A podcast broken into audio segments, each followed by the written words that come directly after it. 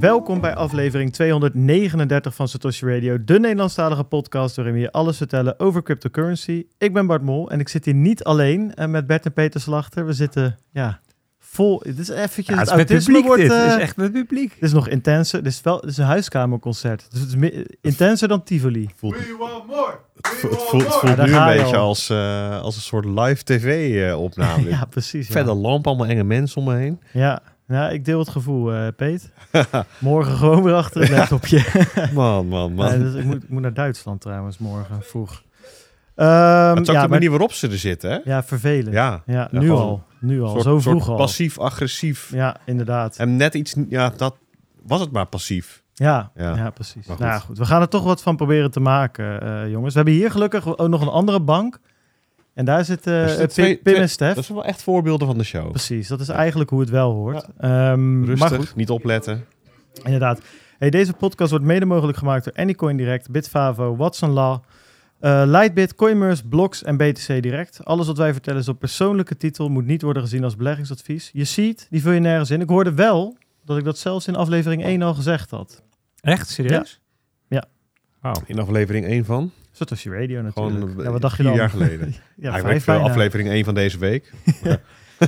Mm, Aflevering 1 van deze week. Snap dat is jij hem? eh? Nee, dat- Oké, nee. Vind ik ook... Een beetje eh, een rare grap dit. Oké, ja, het, wordt, het wordt zo'n aflevering. nee, ik, ik- we, Ja. moeten, we moeten samen sterk zijn deze Ja, aflevering. Daar heb je, heb je gelijk in. Eh, als je het wil, laat dan vijf sterren achter op Spotify. Like de video op YouTube. We zijn bereikbaar via Telegram en Twitter. De links staan op www.stosradio.nl En natuurlijk bitcoinalpha.nl. De enige nieuwsbrief die je beschermt eh, en versterkt. Ja, nog steeds. Elke week, eh, elke week weer. Hij staat alweer klaar. Ik heb de video al opgenomen eh, vandaag, omdat ik morgenochtend eh, vroeg weg moet. Dus ik heb er maar gewoon een bedankvideo van gemaakt. ik wist niet precies wat jij zou Ja, schrijven. En, eh, Als ga ik hem eerst even luisteren en dan om te horen wat de marktupdate moet worden. Ja, dat is op zich ook wel weer grappig. Precies, dat ik de marktupdate al Ja. uitge, uitgespeld heb voor je. Nee, dus die, eh, die zien we morgen weer. Ehm, hoe was de week? Zo, oh, ja, wat, ik knal hem er. Ik was- dacht, ik, ik was dacht, Ja, het, was, het was Ik- kerst hè, deze ik week. dacht de laatste week. intro van dit jaar, Peet. Ik maak hem netjes een keertje af. ik, ik, ik, ik weet niet wat me overkomt. Ja, het is ongelooflijk. Maar hoe was het? Ja, het was, eh, het was, het was, Beetje vakantie. het was een gekke week was het. Het was, het was, het was druk. Druk qua werk, maar ook druk qua sociaal. Dus wel lekker. eh, Maar wel gortig genoten, zie ik. Ja, ja dat, dat was het sociale. Dus het was Bourgondisch. Veel, veel wijn wel weer, gewoon. En dan merk ik, ik word toch een dagje ouder. Dan merk je gewoon, in de dagen daarna merk je veel wijn. Ja, En ehm, ja, het was verder gewoon, eh, het was, ja, Bitfavo was natuurlijk eh, ook afgelopen week, denk ik. Hè? afgerond ook een beetje. Even voor de kerst. Ja, Toch wel het grootste. Nou ja, we hadden natuurlijk wel... eh, nee, dat was vorige week al in de aflevering hebben we dat besproken. Hebben we Ja, zelfs nog ja, de antwoorden van. Mark. Nou, niet helemaal. Want in, in de aflevering kondigden we natuurlijk aan... Vanmiddag jongens, blogje, FAQ online. Maar dat duurde toch iets langer. Kwam volgens mij de volgende dag op vrijdag pas. Dus dat, maar in principe voor het weekend was het wel klaar. Ik ben wel relaxed de kerst ingegaan daardoor. Nou, niet alleen daardoor, maar wel mede, dat was wel... Ik kon mensen gewoon daar naartoe verwijzen. ja klopt. Klopt. Ja, nee, dat Nou, ik, was, ik vond wel de, de kerstdagen, die waren wel echt low traffic. Geen nieuws, eigenlijk ook Ja, op de financiële markten gebeurde er niks. Natuurlijk geen macrocijfers, de beurzen waren dicht. Ook geen gekke crashes of zo, want die cryptomarkt die natuurlijk wel 24-7 doorgaat.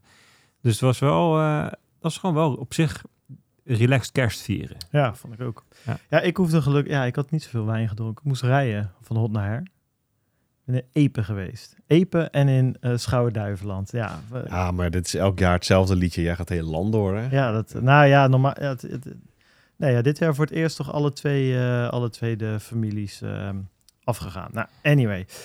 Voor de rest, eh, ja, deze, ja, en, eh, en dat vond ik wel lekker. Eindelijk weer eens een keertje voor het eerst, gewoon twee dagen lang gegamed. gewoon niks anders. Gewoon lekker Warzone gespeeld. Dat is toch heerlijk? Heb je twee dagen lang kunnen gamen? Ja, Oh, ja. dat wel tussen eh, kerst en nu zeg maar heb ik twee dagen lang eh, kunnen gamen. Ja. Oh, het begint op vakantie te lijken. ja, dat was ouderwets weer eens eventjes een paar, paar vakantiedagen inderdaad. Ja. Ja, daar kunnen we ook wel een keer een podcast over maken. Over Warzone. Ja. Met clips uit Warzone bedoel je? Ja. Ik denk dat er weinig mensen meer eh, naar me luisteren de week erna, om heel eerlijk te zijn. Maar ook de mensen met wie we dan spelen. Dat Ja, is best wel ingewikkeld, vind ik hoor. Ja. Ik vind het al, eh, maar goed.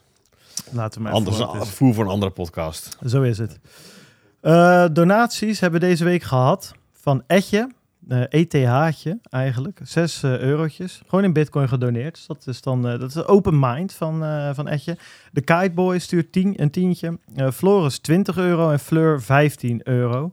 Eh, Floris heeft zelfs een nieuwe noot. eh, en de rest krijgt de kerstgroeten terug. Ja, inderdaad. Dat is een hele mooie. Dat is leuk. Zo'n scriptje. Handig, hè? Ehm, Ja, eh, Stijn, ik wil toch even voor Floris dan een, het laatste applausje van het jaar als het kan. Zo. Ja, hij is lekker zo. Applaus, hoor. Dit is echt als Floris, als, als Floris, eh, hoe noem je dat? Op die, bij je AirPods heb je dat toch, die, die 3D spatial audio. Hij hoort het nu van alle kanten langs, langs vliegen. Dan hebben we, Ramon heeft zijn best weer gedaan, samen met Laptopman. Deze week te gast eh, bij Ed en Stef in Connect the World. Ja, ik, ik, krijg het niet, ik krijg het niet uitgesproken. Kotasto. Het is K-G-O-T-H-A-S-T-O. Dat is Ja, echt alsof moeilijk. dat duidelijker is. Nou ja, dan kunnen mensen het meeschrijven en Ja. daarna zelf proberen uit te spreken. Probeer jij het eens dan? Dat mensen denken, oh, Nee, doe, maar eens. goed. Um, de Gakko. Ja, Naga Nagako inderdaad. Dat, ehm, Dit kan ook alleen maar fout gaan. ja, Nagako hebben we. Eh, dat is de oprichter van eh Machankura. Dat kan ik wel uitspreken. En dat maakt het versturen en eh, ontvangen van bitcoin naar telefoonnummers mogelijk. Maar dat is serieus natuurlijk wel vet. Omdat je in Afrika lang niet overal eh, een internetverbinding hebt. Of een mobiele telefoon met internetverbinding. Laat ze- Of een smartphone überhaupt. Ehm, en met deze, eh, op deze manier kun je gewoon met oude telefoons ook eh, Ja, bitcoin nee, verzenden. Ik, zeg ik dat goed, eh, Stef? Ja, het, is, toch? het is heel goed zelfs. Dus dat is, eh, dat is echt wel vet. Dus ga dat luisteren, Connect the World. En dan, volgens mij volgende week, hebben jullie een terugkijkaflevering, of niet? nee, volgens mij zijn we twee weken vrij. Twee weken is vrij, wat hoor ik nou? Dan had, oh nee, Ramon die had de beste tien gasten online gezet. Maar daar hebben jullie geen podcastje van gemaakt dan? Oké, nou dan moet je even op Twitter kijken. Connect the World, dan kan je de beste tien terugkijken. Al moet ik zeggen, ik was enigszins teleurgesteld in het lijstje. Ik miste daar toch wel in ieder geval één grote naam eh, die eh, niet in de top 10 eh, terugkwam. Ehm, ja, dus, dus dat en hebben we alles gehad. Ja, en dan denk ik dat we maar eens moeten gaan beginnen, jongens, aan het jaaroverzicht. Ja, dat, dat duiken we gewoon. Ja, hoe gaan we het aanpakken deze keer? ja, ik heb hier staan eh, terugblikken eh, en vooruitblikken. Daarna hebben we heel veel voorspellingen die we gaan bekijken van eh, vorig jaar. De voorspellingen die we gedaan hebben. In ieder geval degene die we het meest fout of het meest goed hadden. Lijkt me leuk. En wat nieuwe voorspellingen doen. Dan mag de chat ook, ook eens even meedoen. Misschien hebben ze nog leuke voorspellingen. Ik heb nog wat statistieken. Ja, en ik denk dat het leuk is om even, even terug te gaan Ja, blikken. we, we wilden dus niet ehm, heel uitgebreid een feitenrelaas gaan geven. Nee. Ehm, en daar het uur mee vullen. Maar eigenlijk de, de, de- het brood van de show, dat we, daar, dat we dan reflecteren met elkaar. En, en eigenlijk een beetje met elkaar de verbanden leggen. En hoe, hè, hoe, hoe, hoe kijk je daar nou op terug? Maar dat we dan zouden starten met wat grafieken. Dus we doen niet echt een, eh, echt, Ja. echt een marktupdate. Maar we gaan wel ook even terugkijken in het jaar aan de hand van een Ja. paar grafieken. Toch? En wat dat jij, was ja, precies. En wat jij eh, zei, dat, nou, laten we die er dan ook maar meteen eh, ingooien. Ehm, omdat we dus niet echt helemaal chronologisch het jaar terug gaan kijken. Omdat we dat, ja, dat was voor ons niet zo leuk. Omdat we dat in Tivoli eigenlijk al eh, gedaan hebben. Wat meer eh, bij de feiten. Eh, leek het ons leuk om die aflevering dan in januari ergens gewoon nog online te zetten. Dus als je nu zit te luisteren en je denkt, nou, ik wil wel zo'n chronologische terugblik. Dan gaan we die gewoon ergens begin januari even lekker. Tweede week van de kerstvakantie kan je die, kan je die terugluisteren. Bij deze afgesproken. Oké, ehm, inderdaad. Bert, jij hebt een grafiek gemaakt. Ik zou zeggen, Stijn, gooi hem online. Hoppakee, daar zal, ik, ja, daar zal je hem hebben. Ja, dan zal je zelf een beetje moeten zoomen, Bert. Kan dat daar? Ja, natuurlijk kan dat, zeker. Maar dit is even het overzicht van... Ja. Ja, ja ik, ik, ik ben begonnen eigenlijk ehm, in ehm, oktober vorig jaar, want dat is de, de top van de boelmarkt geweest, 69.000. En dan zie je zo mooi helemaal dat watervalletje naar, naar, eh, naar, naar, beneden. Ja. naar, naar rechts. Ja, wat is het? 16, 16.000, 16,5 of zo. ja, hè? klopt. Dus we kunnen nu inderdaad wel even ietsjes inzoomen. Oh, dat is wel heel ver. Even kijken, zoiets. Dan kunnen we het iets beter zien. Grappig joh, dat het zo mooi kan in eh, TradingView. Ja, jongen, dat is Ja. een mooie.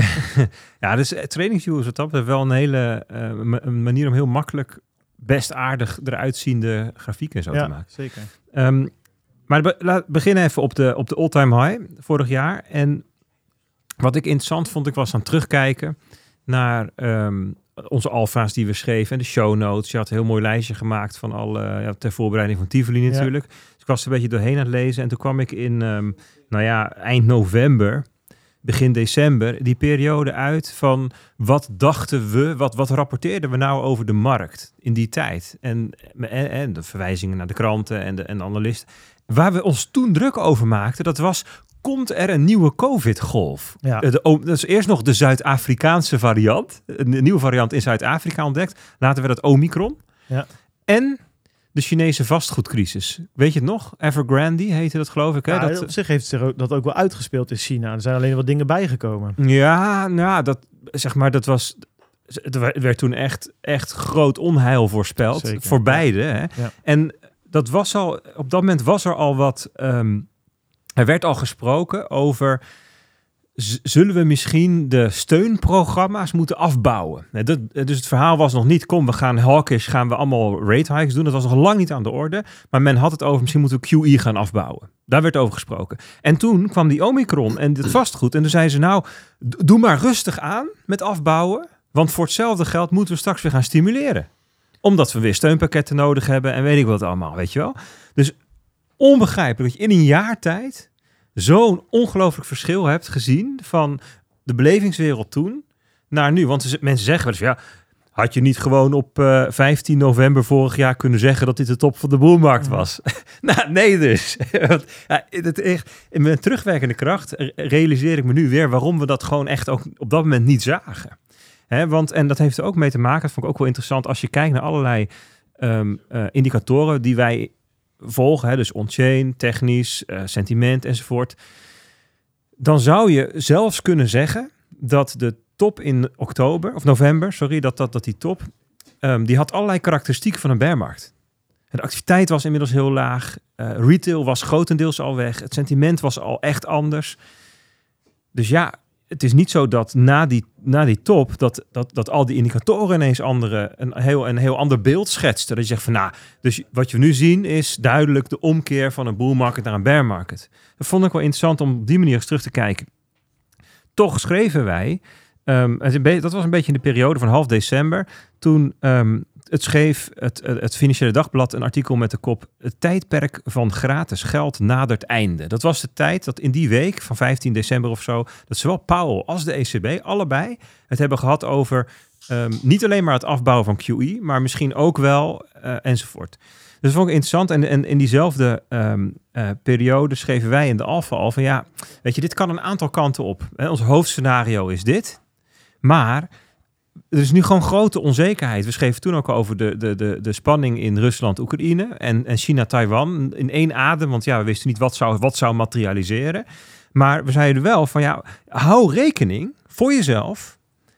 Wat, wat nou als we nu een bearmarkt ingaan van 1 naar 2 jaar? Met mijn huidige portefeuille, word ik daar dan vrolijk van of niet? En vond ik met terugwerkende kracht best wel eh, ehm, goed van ons. dat we toen al wel, eh, eh, eh, ehm, zeg maar, dat we de verbeeldingskracht hadden om te zeggen, nou ja, ook dat behoort nu tot de, tot de opties. En ik wil dat gelijk eventjes porteren naar nu. En we zitten nu op het punt dat, dat ja, eigenlijk iedereen zegt, joh, lange, dikke, vieze, smerige, koude bearmarkt voor de boeg.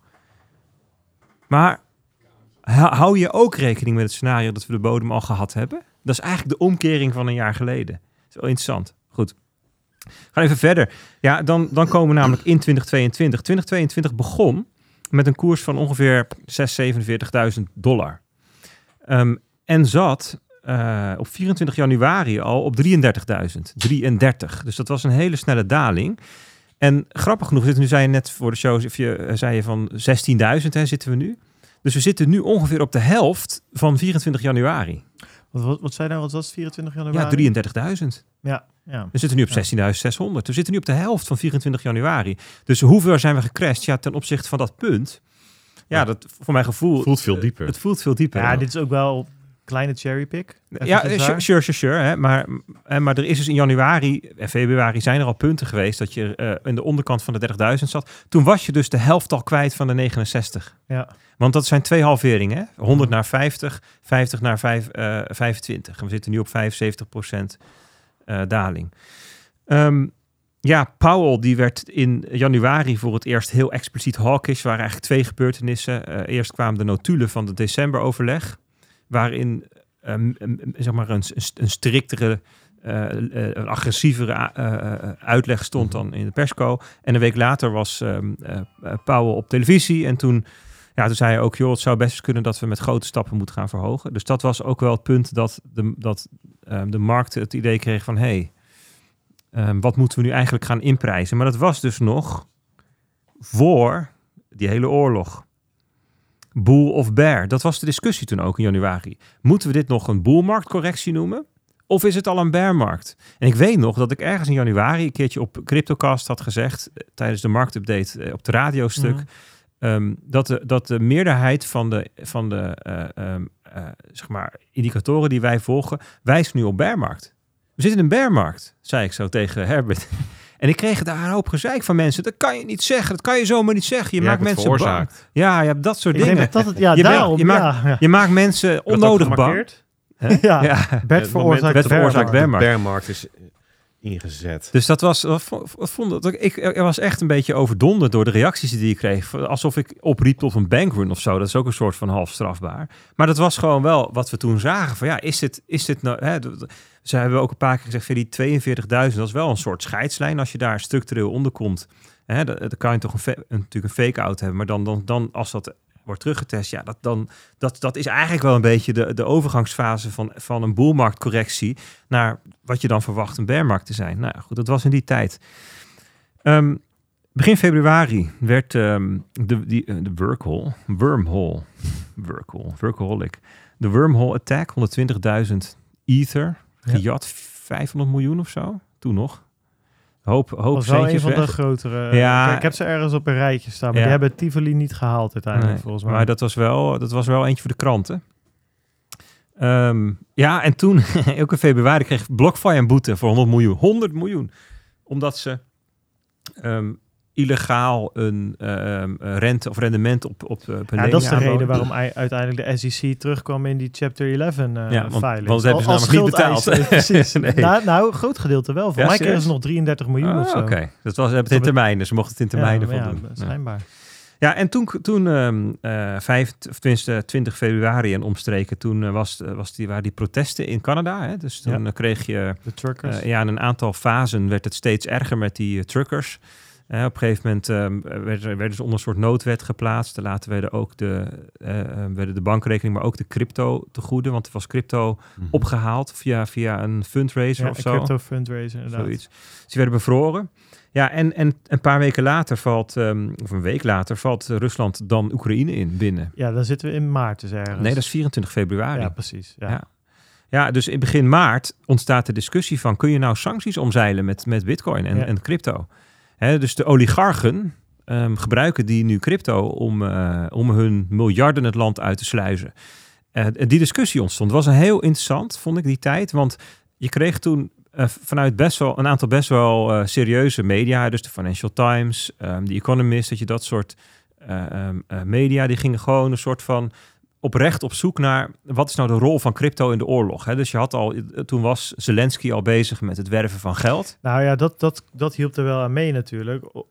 Omdat je aan de ene kant het dus het omzeilen van die sancties had, Precies. maar aan de andere kant dus ook Oekraïne, een soort van de good guys in het hele verhaal, die dus ook opriepen om Bitcoin en Ethereum naar ze toe Ja, te en sturen. er kwamen er ook eh, mensen die ehm, eh, in een oorlogsgebied gewerkt hebben. De journalisten die daar embedded zijn geweest, zeiden van jongens, ehm, onderschat niet hoe ongelooflijk lastig het is om geld een oorlogssituatie in te krijgen. Of uit. Ja, nou, uit, maar vooruit, het was voor iedereen eigenlijk wel duidelijk. Hè? Want je had toen allerlei verhalen al van me- mensen die vluchten, aan zowel aan Russische als aan Oekraïnse zijde.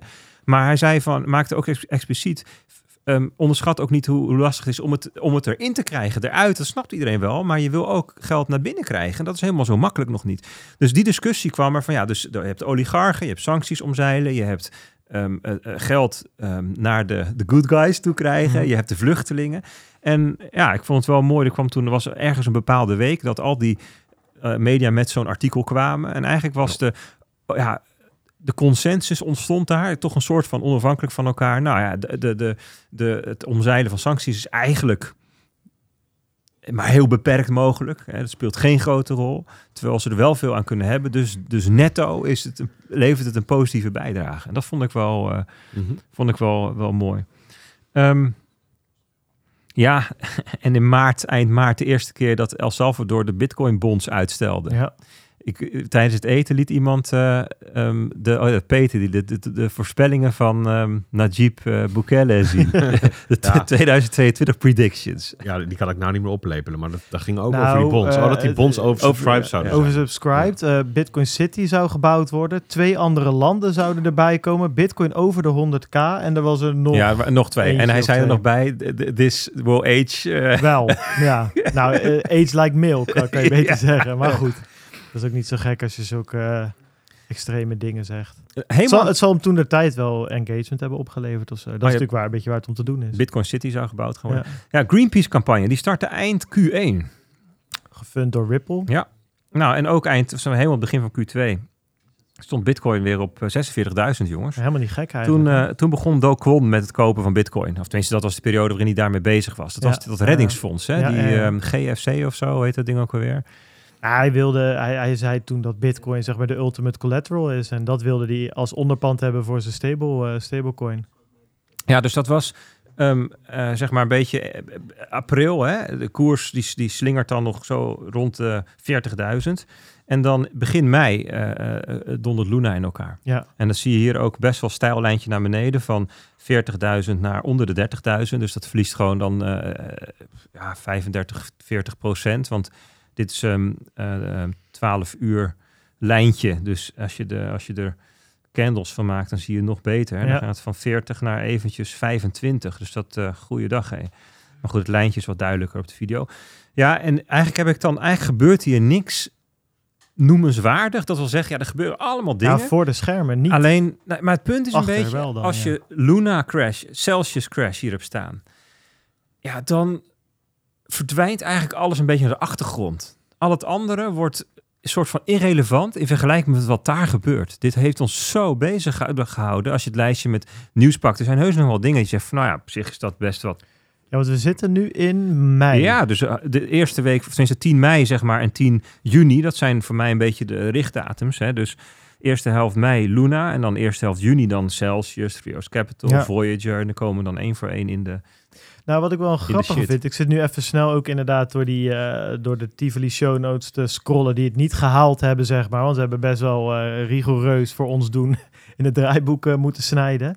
Maar één ding wat, daar had ik een hele aflevering, een soort van het brood van die aflevering, daar, daaraan gewijd. We hadden het helemaal uit elkaar eh, gehaald en geanalyseerd. En dat was Arjan Lubach's stuk over Ja. dat het een keertje klaar moest zijn met crypto. Ja, en, die twijfelde ik nog om die erin te zetten. ja, en dat was toch achteraf, hè, als je dan even terugkijkt en eh, Luna, Celsius, dat is allemaal, dat stof is een beetje gedaald. Dat, ehm, eh, dat, dat ik zoiets heb, dat was toch een beetje ook wel iets significants, omdat dat heel mooi liet zien. En dit was natuurlijk Nederlandse media, maar gewoon een beetje dat, dat anti-crypto's zeg, de- Sentiment. sentimenten, dat, dat, dat dat wat, ja, weer wat aan, ehm, aangejakkerd werd. Mhm. En ook niet zonder, ook wel met een goede reden eigenlijk, als je erop terugkijkt, ergens wel. Ik bedoel, ik kan me best voorstellen als je er vanaf buiten naar kijkt, dat je denkt, nou, dit, dit is helemaal niks. Maar dat vond ik eigenlijk achteraf significanter dan op dat moment. Omdat je toen dacht van, nou, oké, whatever, een beetje gek eh, verhaal, het klopt ook niet helemaal, maar ja, op de een of andere manier vond ik dat wel een, ook wel een keerpunt. Wanneer eh, was dat daar. dan? Ja, Eh, ook in mei. ook Ook, in mei, ja. Ja. net voor Terra. Want letterlijk, Ja. het stond in die aflevering. En toen hebben we het Ja. geschrapt omdat Terra onderuit ging. Nou ja, dus Luna en juni Celsius. Eigenlijk dus, hè, dus in mei Luna en in juni, ju- in juni de, de, Ja. de, de dominostenen. De verschillende dominostenen die daardoor geraakt blijken te zijn. En dan zie je ehm, eind juni dat FTX BlockFi gaat redden. Dat de miners in de problemen komen. De eerste miners die laten eh, weten van jongens, wij komen in de knel door die lage koers. En want miners doen het goed. Die hebben baat bij hoge koersen, lage hashrate en lage energiekosten.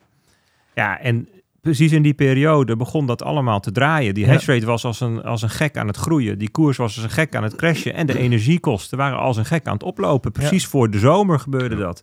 Dus die miners die zagen eigenlijk alles eh, tegen zich keren. Ja, 1 en, plus 1 plus 1, bam. ja, en nog een aantal keer plus één. eh, omdat ze natuurlijk net uit, uit de grootste bull market ooit kwamen. Waar ze gingen niet van neutraal naar negatief. Ze gingen van extreem positief Klopt. naar extreem negatief. Want Klopt. je hebt natuurlijk ten eerste eh, gehad dat...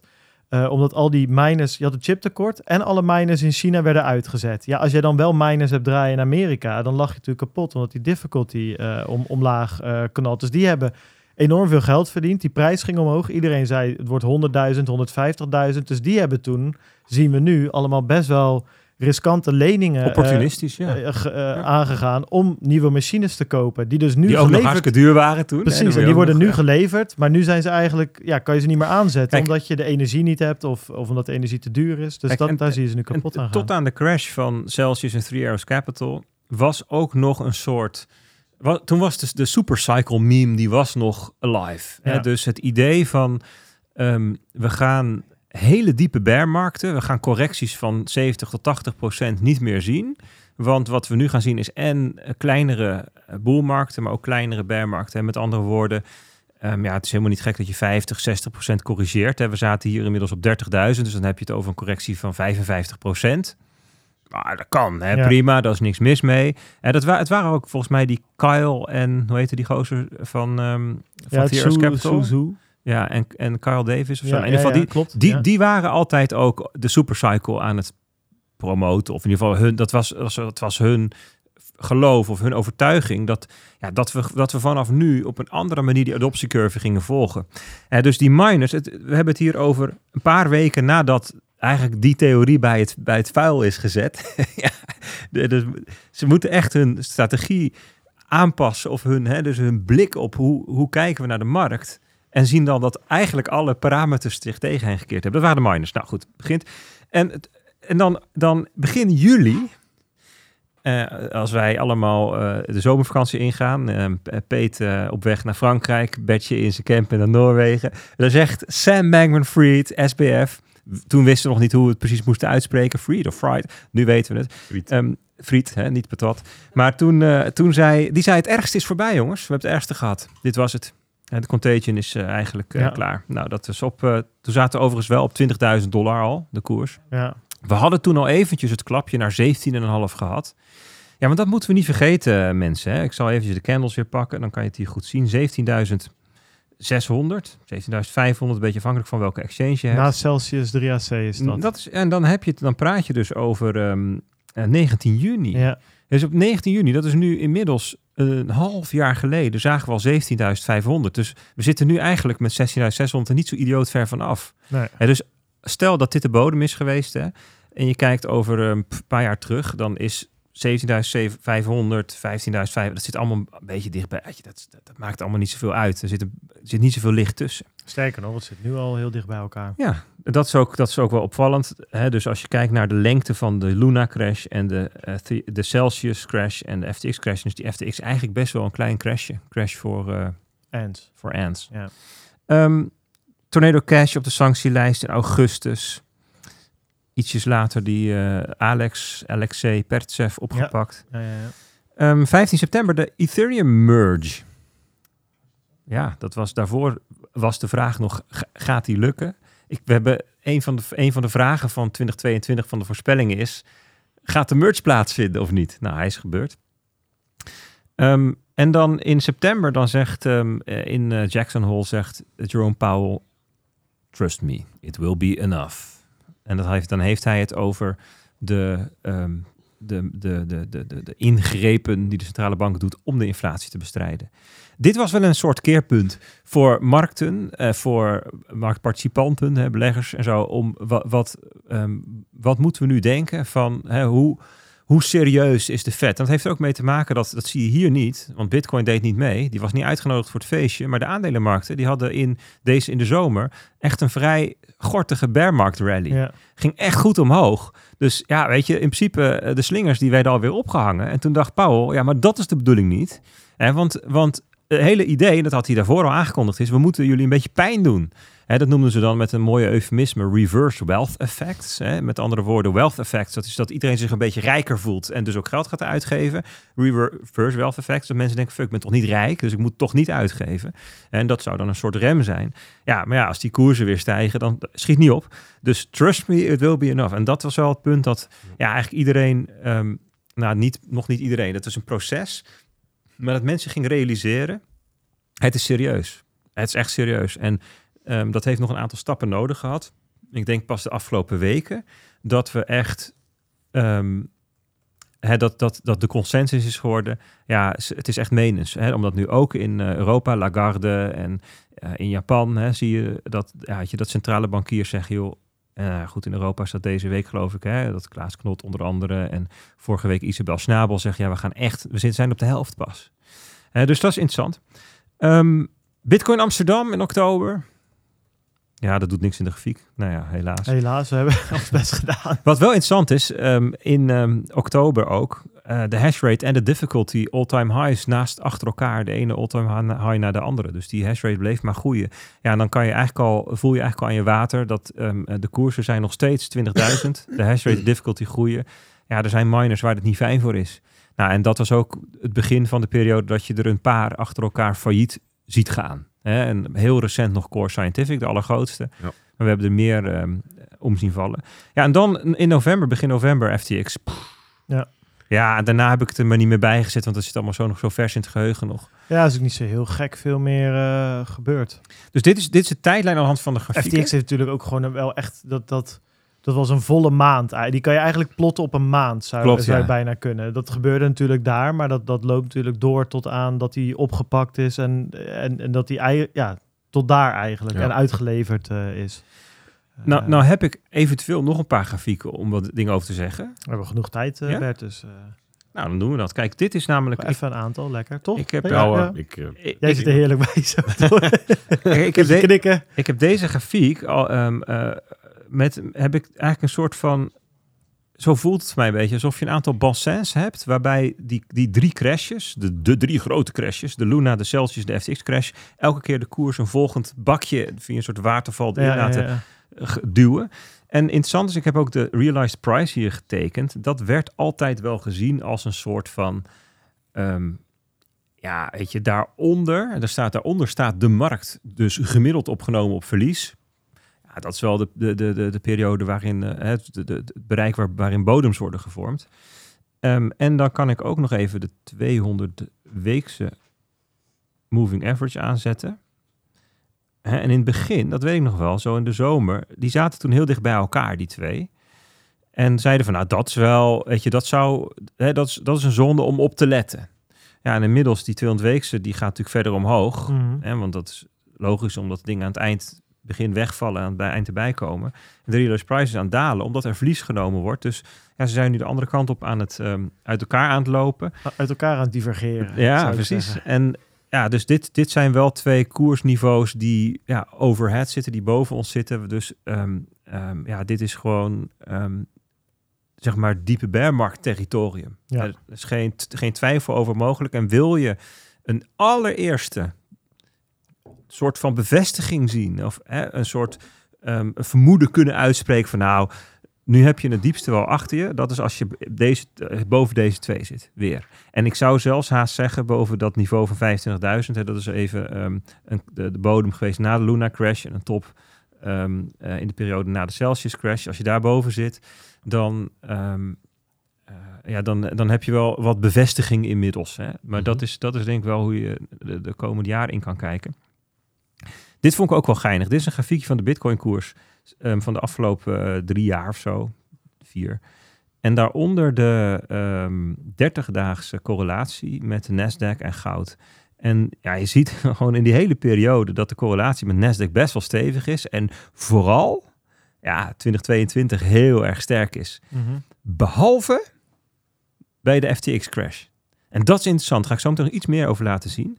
Geldt ook voor goud. Dus je zou haast kunnen zeggen, de, de Luna crash en de Celsius crash, die waren in de richting van waar de markt toch al op bewoog. Maar de FTX crash, ja, dat was echt een crypto ding op zichzelf. Ja. Had de markt helemaal, was daar helemaal niet bij betrokken. De, de rest van de financiële markten. Dat vind ik wel een interessante eh, gedachte.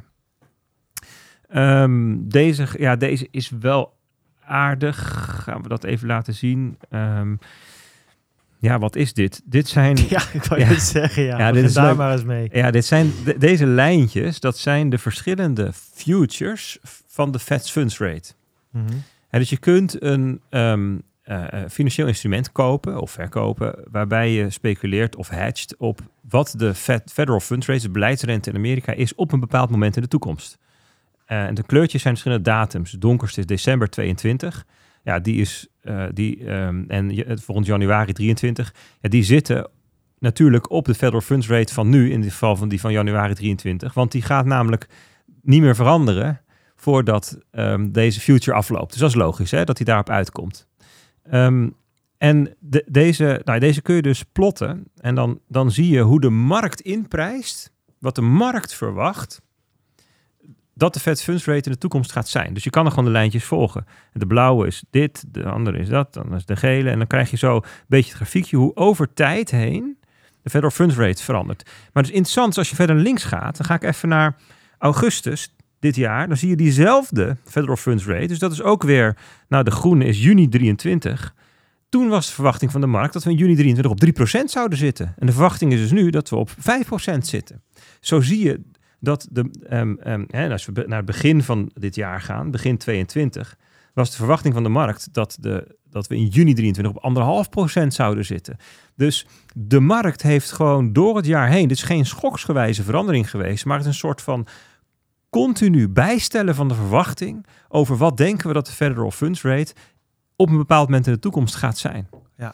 En dat vind ik wel eh, tekenend voor dit jaar geweest, dat gebeurtenis na gebeurtenis na gebeurtenis ehm, moest de markt informatie verwerken over wat, wat, wat, wat, ehm, wat gaat de Fed doen eh, met zijn beleid als reactie op de inflatie.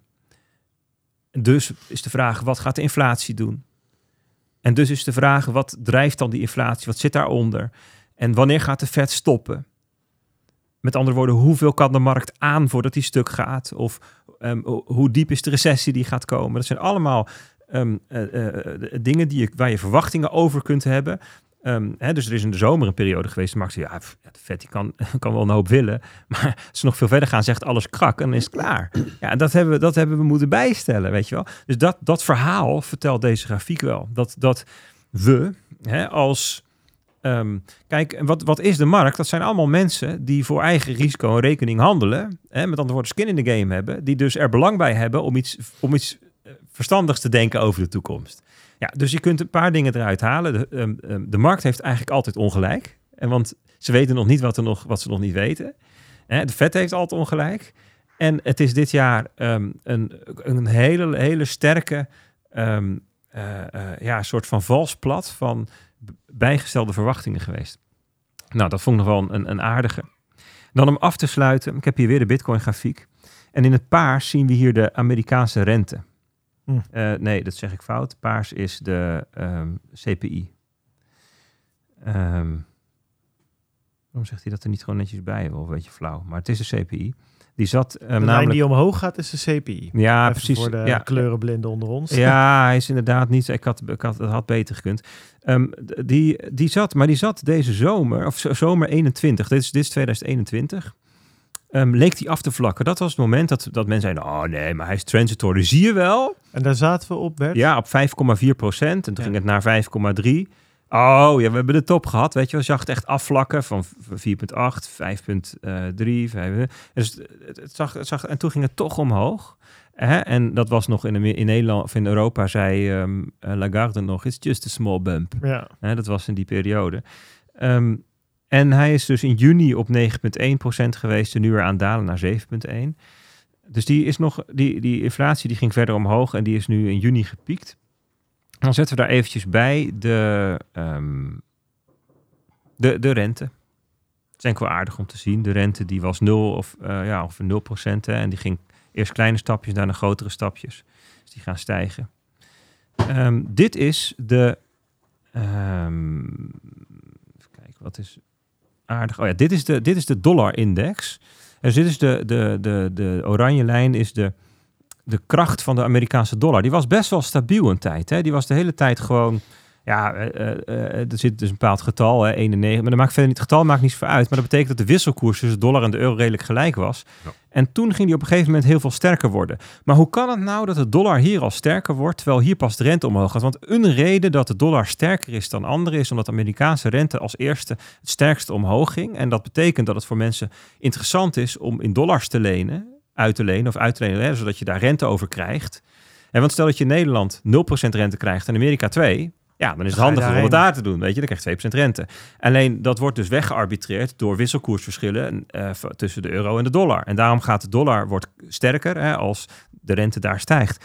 Maar waarom gebeurt het nou eerder dan de Fed Funds Rate? En dat komt omdat de, de, de tweejaarsrente al eerder ging stijgen. Dus met andere woorden, de markt had eigenlijk al eerder door van... Oh, die rente die moet omhoog. En dat had al te maken met dat de Fed op een gegeven moment ging zeggen van... nou ja, we gaan afbouwen en we, we vinden de, de inflatie toch wel spannend. Dus dat is wel aardig om dat zo te zien. Ehm, nou, die konden we nog even langs leggen. En dan de, als allerlaatste de Nasdaq. Die heb ik eventjes eh, eh, door Bitcoin heen geplot. En dan zie je dat de Nasdaq best wel mooi gelijk naar beneden beweegt. Best wel interessant hoor.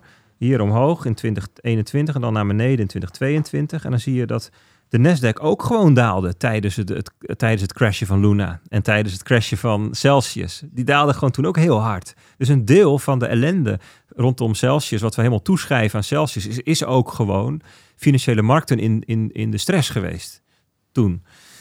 Alleen dat zie je dus niet bij FTX. En daar Ja. zie je dat het heel duidelijk ontkoppeld is. En dat zagen we net in het correlatieplaatje ook. En dat eigenlijk ehm, dat dat echt, echt, de FTX echt een crypto-only gebeurtenis geweest. En dus dat is toch wel een, eh, ehm, ja, denk ik een aardige eh, manier om even wat dingetjes die we net al hebben, hebben zien langskomen te visualiseren. Ja. Dat was hem. Lekker. Het is toch altijd even... Ja, vind ik ook. Applaus.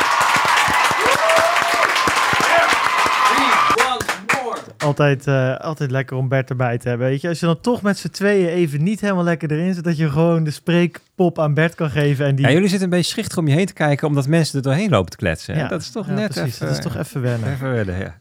En bij, bij Peet zitten ze in zijn rug. Dat is helemaal lastig. Ik kan nog een beetje kijken eh, wat er Ja, dit is echt waardeloos. Ja, ja, ik merk het aan je. Ik merk het aan je zonder dat je ook maar iets, iets hoeft te zeggen. Maar ehm, nee.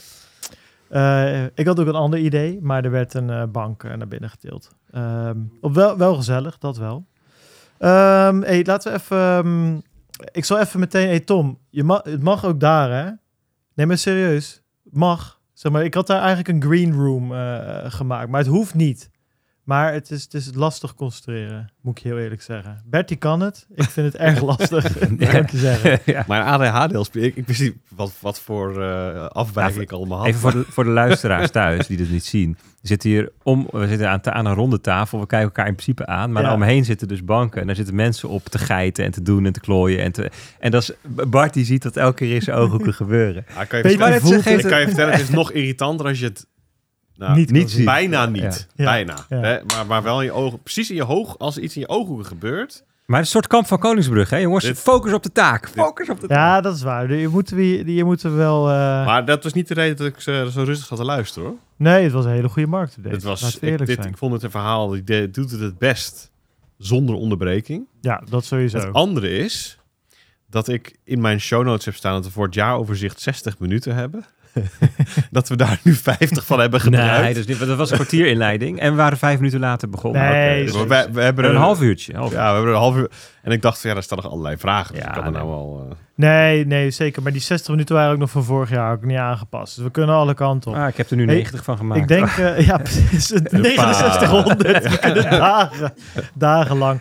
Hey, ehm, laten we dan gewoon... Op, op zich staan ze denk ik ook wel op eh, volgorde van eh, be- belangrijk naar niet belangrijk. Vind ik, denk ik. Eh, Ongeveer. Wat was het onderwerp van het jaar, jongens, voor jullie? Ja, ja ik, ik zei van. Ik zei vooraf al, ik vind het echt hele moeilijke vragen. maar ik denk dat ik het En vooruitblikken eerlijk nog eerlijk, vond. na, na, nadat we er een uur over nagedacht hadden. Dus je hebt ook serieus wel je best gedaan. Ja, maar zo voelt het niet. Ik had, ik, het voelde alsof ik eigenlijk een, een, een week aan reflectie op een onbewoond eiland nodig zou hebben om, om nou echt fatsoenlijk antwoord te kunnen geven op deze vraag. Ja. Maar ja, als je, ik denk toch, als je gewoon zou zeggen van moet, het moet één onderwerp zijn, zo'n soort van één gebeurtenis, dan zou ik zeggen FTX. Ja, wat dan van FTX? Want het is ook een soort ja, oneindige soap. Maar de val van FTX, de lijken die daar uit de kast komen, ja, daarvan had ik de, de goorheid van tevoren niet helemaal kunnen voorspellen. Dus daar zit en een stuk verrassing in en ook wel een stuk teleurstelling. En het heeft ons denk ik het meest bezig gehouden van alle specifieke gebeurtenissen die er Ja. zijn geweest die wel aandacht kregen dit jaar. Nou, dat was FTX wel de grootste. Maar je kunt ook zeggen, een onderwerp is meer een soort thema. Dus wat was het belangrijkste thema van dit jaar? Ehm, ja, dan vind ik de val van FTX wel onderdeel van het thema dat we met z'n allen. eh, dat, tw- 2022 was een, je hebt een voor en na 2022 als het gaat om het zoeken naar rendement. Hè, dus de, de, de producten en diensten die worden aangeboden. En iedereen op jacht naar de hoogste yields. En zo zijn we 2022 ingegaan en dat werd steeds heftiger. En ik denk dat we 2023 ingaan met het idee van... nou, misschien moeten we dat maar even niet of nooit meer doen. Ik denk dus dat de gretigheid en de hebzucht van de mensen ervoor zorgt dat die jacht naar de yields er wel komt. Maar misschien moeten we hem dan vertalen naar 2022 was het jaar dat ehm, tegenpartijrisico ehm, niet meer onschuldig is. Dat dat een heel belangrijke factor gaat worden. Ja, maar ik denk ook wel dat er... ehm, dat er nou, kijk, in ieder geval op korte termijn, dus 2023, ja, daar gaan we voor uitblikken. Ehm, dat is de, de onderdeel van dat een scenario dat 2023 heel saai kan worden, is dat er gewoon heel veel partijen zijn die gewoon even een tijdje geen behoefte meer hebben aan het nemen van hoge risico's. Mhm. Nou, en als je dan nog steeds hè, binnen de, de, de, de grens van wat we de cryptomarkt noemen, zou je kunnen zeggen van nou, dan zijn Bitcoin en, en Ether misschien nog gewoon eh, valuta die je als soort van veilig zou kunnen beschouwen. Maar echt de altcoins in. De vraag is hoe, hoe, eh, hoeveel partijen daar echt nog nu even zin in hebben Ja. met alles wat er is gebeurd. Hè, en ehm, ik denk ook dat de sector wel even achter de oren krabt. Ja, eh, dit, dit is mij nu misschien net voorbij gegaan. Die, die hele, dat, dat hele eh, besmettingsgevaar dat er, dat er was. En het dominoveld dat valt. En nu ben ik er geen onderdeel van. Of, ik ben er, eh, of het doet me wel pijn, maar ik heb het overleefd. Maar dan gaat me niet nog een keer gebeuren. Er zijn natuurlijk allerlei bedrijven eh, gewoon omgevallen. Nou, echt winstgevend is het niet meer. Als je, dit zo, als je Ah. er failliet aan kan gaan. En, ehm, Nee, sure. Eh, dus dus ja, toch? dat is een risico waar denk ik een aantal van de spelers wel rekening mee hebben gehouden. Maar ik denk ook dat er heel veel bedrijven zijn en organisaties, zeker ook consumenten, ehm, die daardoor zijn verrast. Hoe, hoe, hoe, ehm, hoe ver dan die tentakels reiken van al die lucht die het systeem ingepompt is. Ja. Dus dat, dat een belangrijk thema. Maar toen dacht ik van ja, het is ook wel weer zo'n voor de hand liggend en, en suf en somber ding. Op zich, op zich dat, dat, dat er een les is getrokken is positief. Maar ja, hoe dat dan gebeurd is, dat is natuurlijk een beetje... Ja, is eigenlijk om te janken. Ehm, Ik vraag me ook nog, ik weet nog niet of die les echt getrokken is hoor. Ja, ik denk, ik denk dat dat links of rechtsom... Dat die, dat die les getrokken wordt. Ik hoop dat, eh, dat voor heel veel consumenten... ehm, dat dat zo is. Maar daar twijfel ik aan. Ik denk dat, dat als er niets verandert in het systeem... dus ehm, de, de prikkels blijven om maar steeds meer risico te nemen... steeds meer yields te genereren... dat consumenten ook gewoon die risico's weer gaan nemen op termijn. Eh, Ik denk dat dat dat eigenlijk alleen verandert alsof de bedrijven zich realiseren dat dat onwenselijk is met elkaar... of omdat er regels zijn die het verbieden. Of omdat het geld gewoon weer duurder wordt. Ik denk dat dat nog de grootste factor is. Gaat zijn dit jaar. Geld duurder? Wat bedoel Hoe je? bedoel je? Nou, gewoon dat die rente op 5, 6 procent staat. Dat er niet meer eh, bakken met geld overal tegenaan gesmeten Ja. kan worden. Omdat er niet zoveel geld A, het systeem ingepompt wordt. En B, beschikbaar is voor... B- Bullshit. ja, maar Ja. Ook in die... Bedoel, een 4,5 miljard dollar eh, NFT-portefeuille. Dat zie ik niet zomaar Ja. meer gebeuren. En dat, dat helpt ook down the line. Omdat, ja, eh, als jij eh 300 miljoen in Yuga Lab stopt... Kijk, weet je, zo'n... ehm, zo'n VC-firm of whatever, of zo'n hedge fund, die zullen het misschien niet direct in de meest trieste shit stoppen, maar een Yuga Labs wel, of een, een, een vergelijkbaar bedrijf. En ja, die kregen natuurlijk aan alle kanten de eh, miljoenen in de tien, honderdtallen toegestopt. Eh, en ik, nou, ik denk dat dat wel gaat schelen. eh, in plus de, de, de twee dingen die jij noemt, zeg maar. Dus ik denk in combinatie, dus een veranderende markt, eh ik heb die nog niet helemaal doorgedacht. Of, of, of het, ehm, het wel of niet hebben van veel liquiditeit. ehm, wat, voor, wat voor gevolgen dat allemaal heeft. Ja. Want ik denk dat, dat er ook verkeerde producten kunnen, kunnen ontstaan in een bearmarkt. Eh, een klein beetje in de categorie dat eh, de banken in IJsland om, twe- om vijf voor twaalf ineens met hoge rendement op de proppen kwamen om, eh, om maar Ja, maar liquiditeit het er is, naartoe te is wel halen. zo, dat zijn wel typisch producten van ehm, de laatste fase van een boelmarkt. Hè. Dus als de boelmarkt in eh, het be- begin van de boelmarkt, dan, dan is er enthousiasme over de mooie dingen die zijn gemaakt. En het eind van de boelmarkt dat bestaat uit ja, de meest gekke shit waar dan niemand meer met enige nuchterheid naar iedereen is dronken.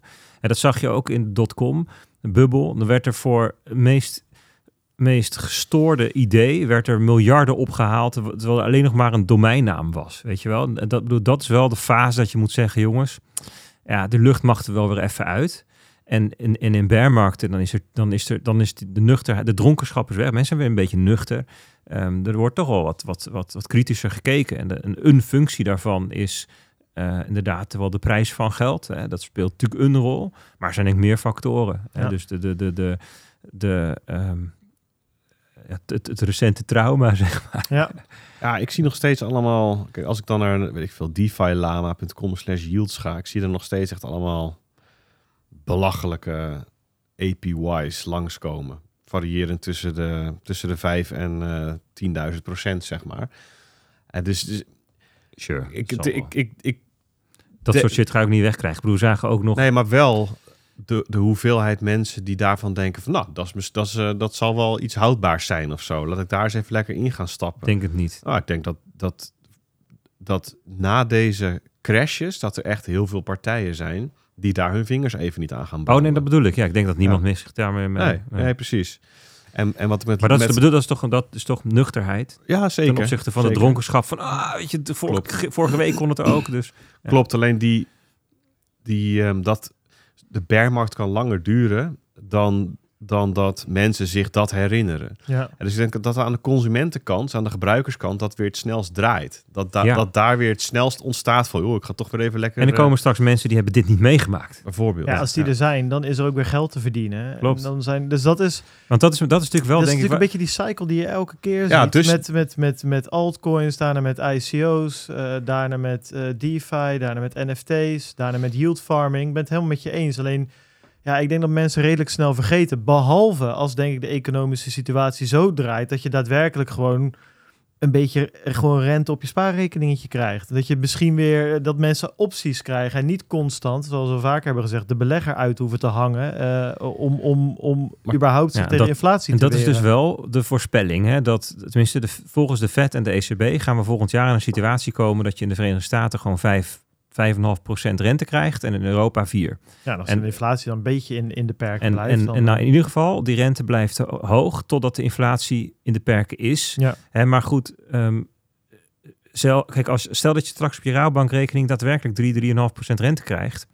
Ja, dan, dan zijn er best wel wat mensen die zeggen, joh, ik ga niet meer met, met ja, weet ik veel, allerlei vage shit aan. nee, is, is- dat denk ik ook. Maar goed, mijn verwachting is dus dat het of linksom of rechtsom, dat dat verandert. Dus ik denk dat, dat veel van de bedrijven die nu overblijven, hun productaanbod wijzigen. Ja. En dat er meer de nadruk komt te liggen op transparantie en veiligheid. Doen ze niet alleen maar omdat ze, zulke, omdat ze de, de beste jongetjes van de klas zijn per se. Maar ook omdat ze weten, er komt in de VS en Europa komt er gewoon wetgeving Ja. aan. Waar, waarvoor dat toch al moet. Hè, dus de- ik, ik, En, en er worden nu rechtszaken aangespannen, dus door toezichthouders, maar interessant genoeg ook door consumenten. Hè. Dus Gemini heeft nu, ja. Gemini heeft nu een class action. Hè. Dus dat is gewoon een verzameling van klanten die zeggen, joh, wij vinden dat jullie eh, onvoldoende, hè, bijvoorbeeld voorlichting hebben gegeven. Ehm, en dus ehm, eh, stellen we jullie aansprakelijk voor de schade die we geleden hebben. Dus er zijn allerlei manieren waarop allerlei soorten toezichthouders ehm, en consumenten, ja, toch, laat ik zo zeggen, wat blijkt, wat komend jaar blijkt, nu blijkt, komend jaar blijkt, is dat acties gevolgen hebben. Dat je kunt, zelfs in het wilde west van crypto, kun je niet zomaar alles doen zonder consequenties. Die consequenties die kunnen door de markt worden gedicteerd, namelijk je hebt gewoon je geld niet meer omdat, omdat de boel elkaar dondert. Die kunnen worden gedicteerd door de klanten. Die zeggen, joh, ik mag dit en dit van jou verwachten. Of door toezichthouders. En ehm, Of Ja. door de vet. ja, dat, dat manifesteert zich dan via de markt, denk ik. Ja, hè? ja. precies. Ja, Ja, ja. ja. zeker.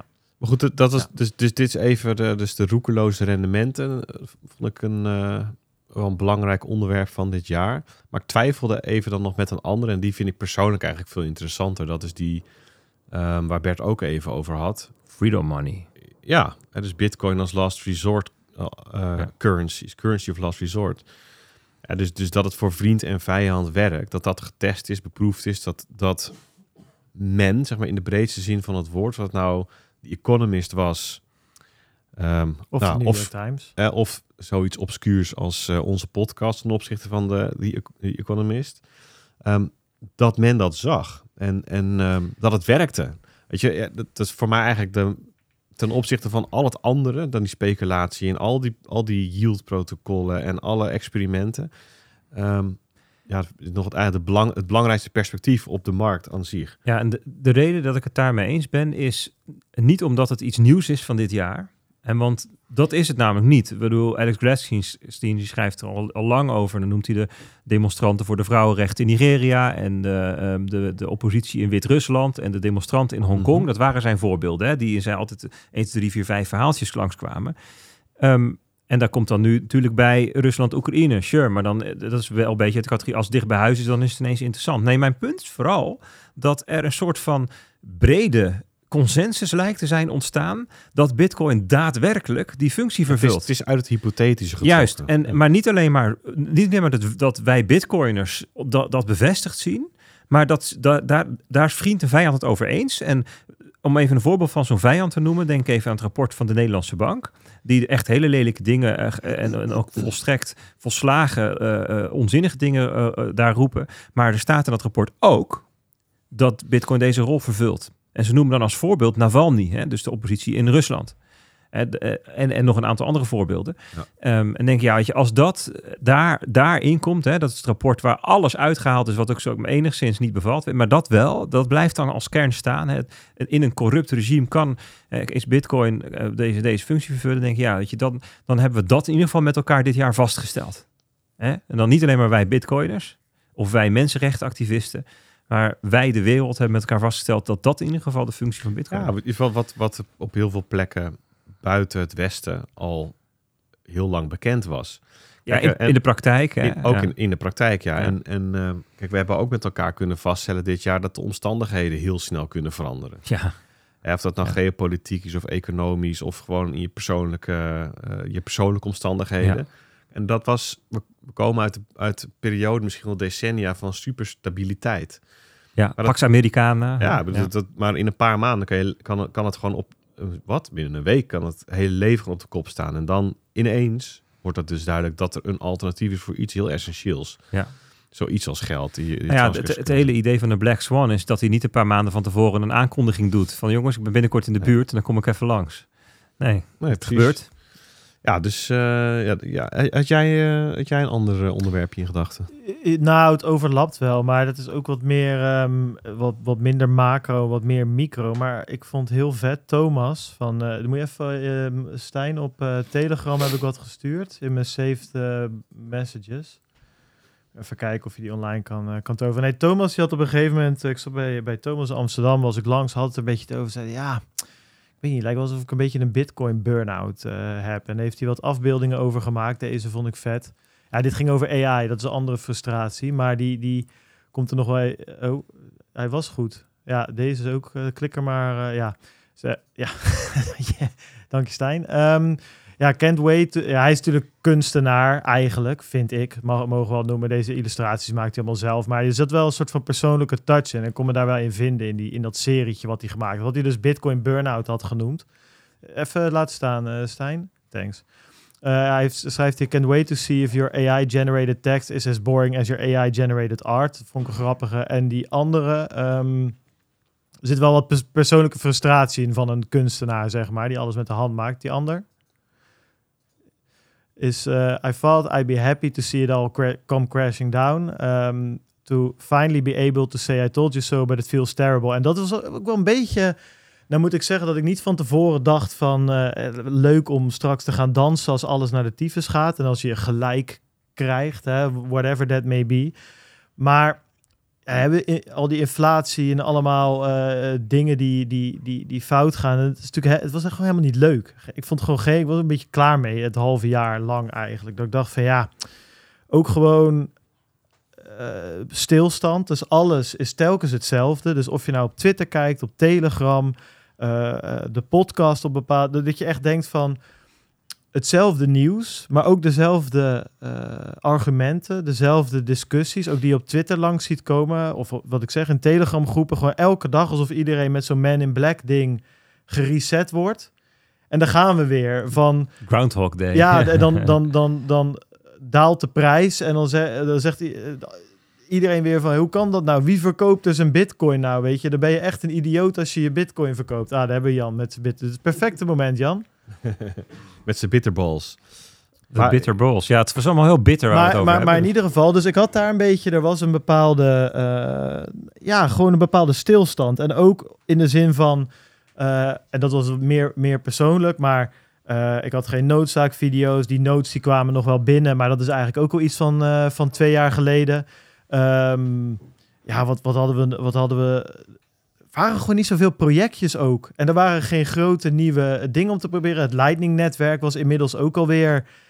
Ook, waren we ook alweer twee jaar mee bezig. Eh, Strike gebeurde niks mee. Eh, nou ja, al die landen die zouden komen. Ja, eh, El Salvador is ook 2021. Tesla is 2021. Er werd geen bitcoin gekocht. Ja, ze nu en dan een beetje bitcoin verkocht door die bedrijven, maar ook niet echt veel ja, een beetje Bitcoin burn-out. Van er was niet zoveel, er gebeurde niet zoveel. Een beetje, een beetje stilstand. En ik moet zeggen, dat is dan weer het. eh, ja, en daar komt met, dat, met die AI vandaan. Dat op een gegeven moment was er ook een bepaalde.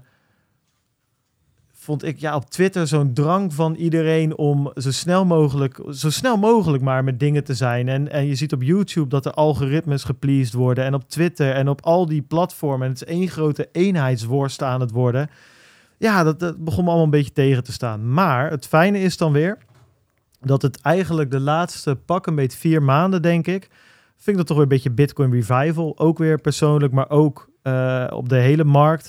Ik denk Bitcoin Amsterdam was echt iets wat ik achteraf gezien toch wel even nodig had. Dat ik dacht van, nou, er is toch nog wel, er gebeurt nog wel heel veel vets. En dan bijvoorbeeld zo'n eh, workshop stage die er was, of die SAT stage waar Bert natuurlijk ook stond.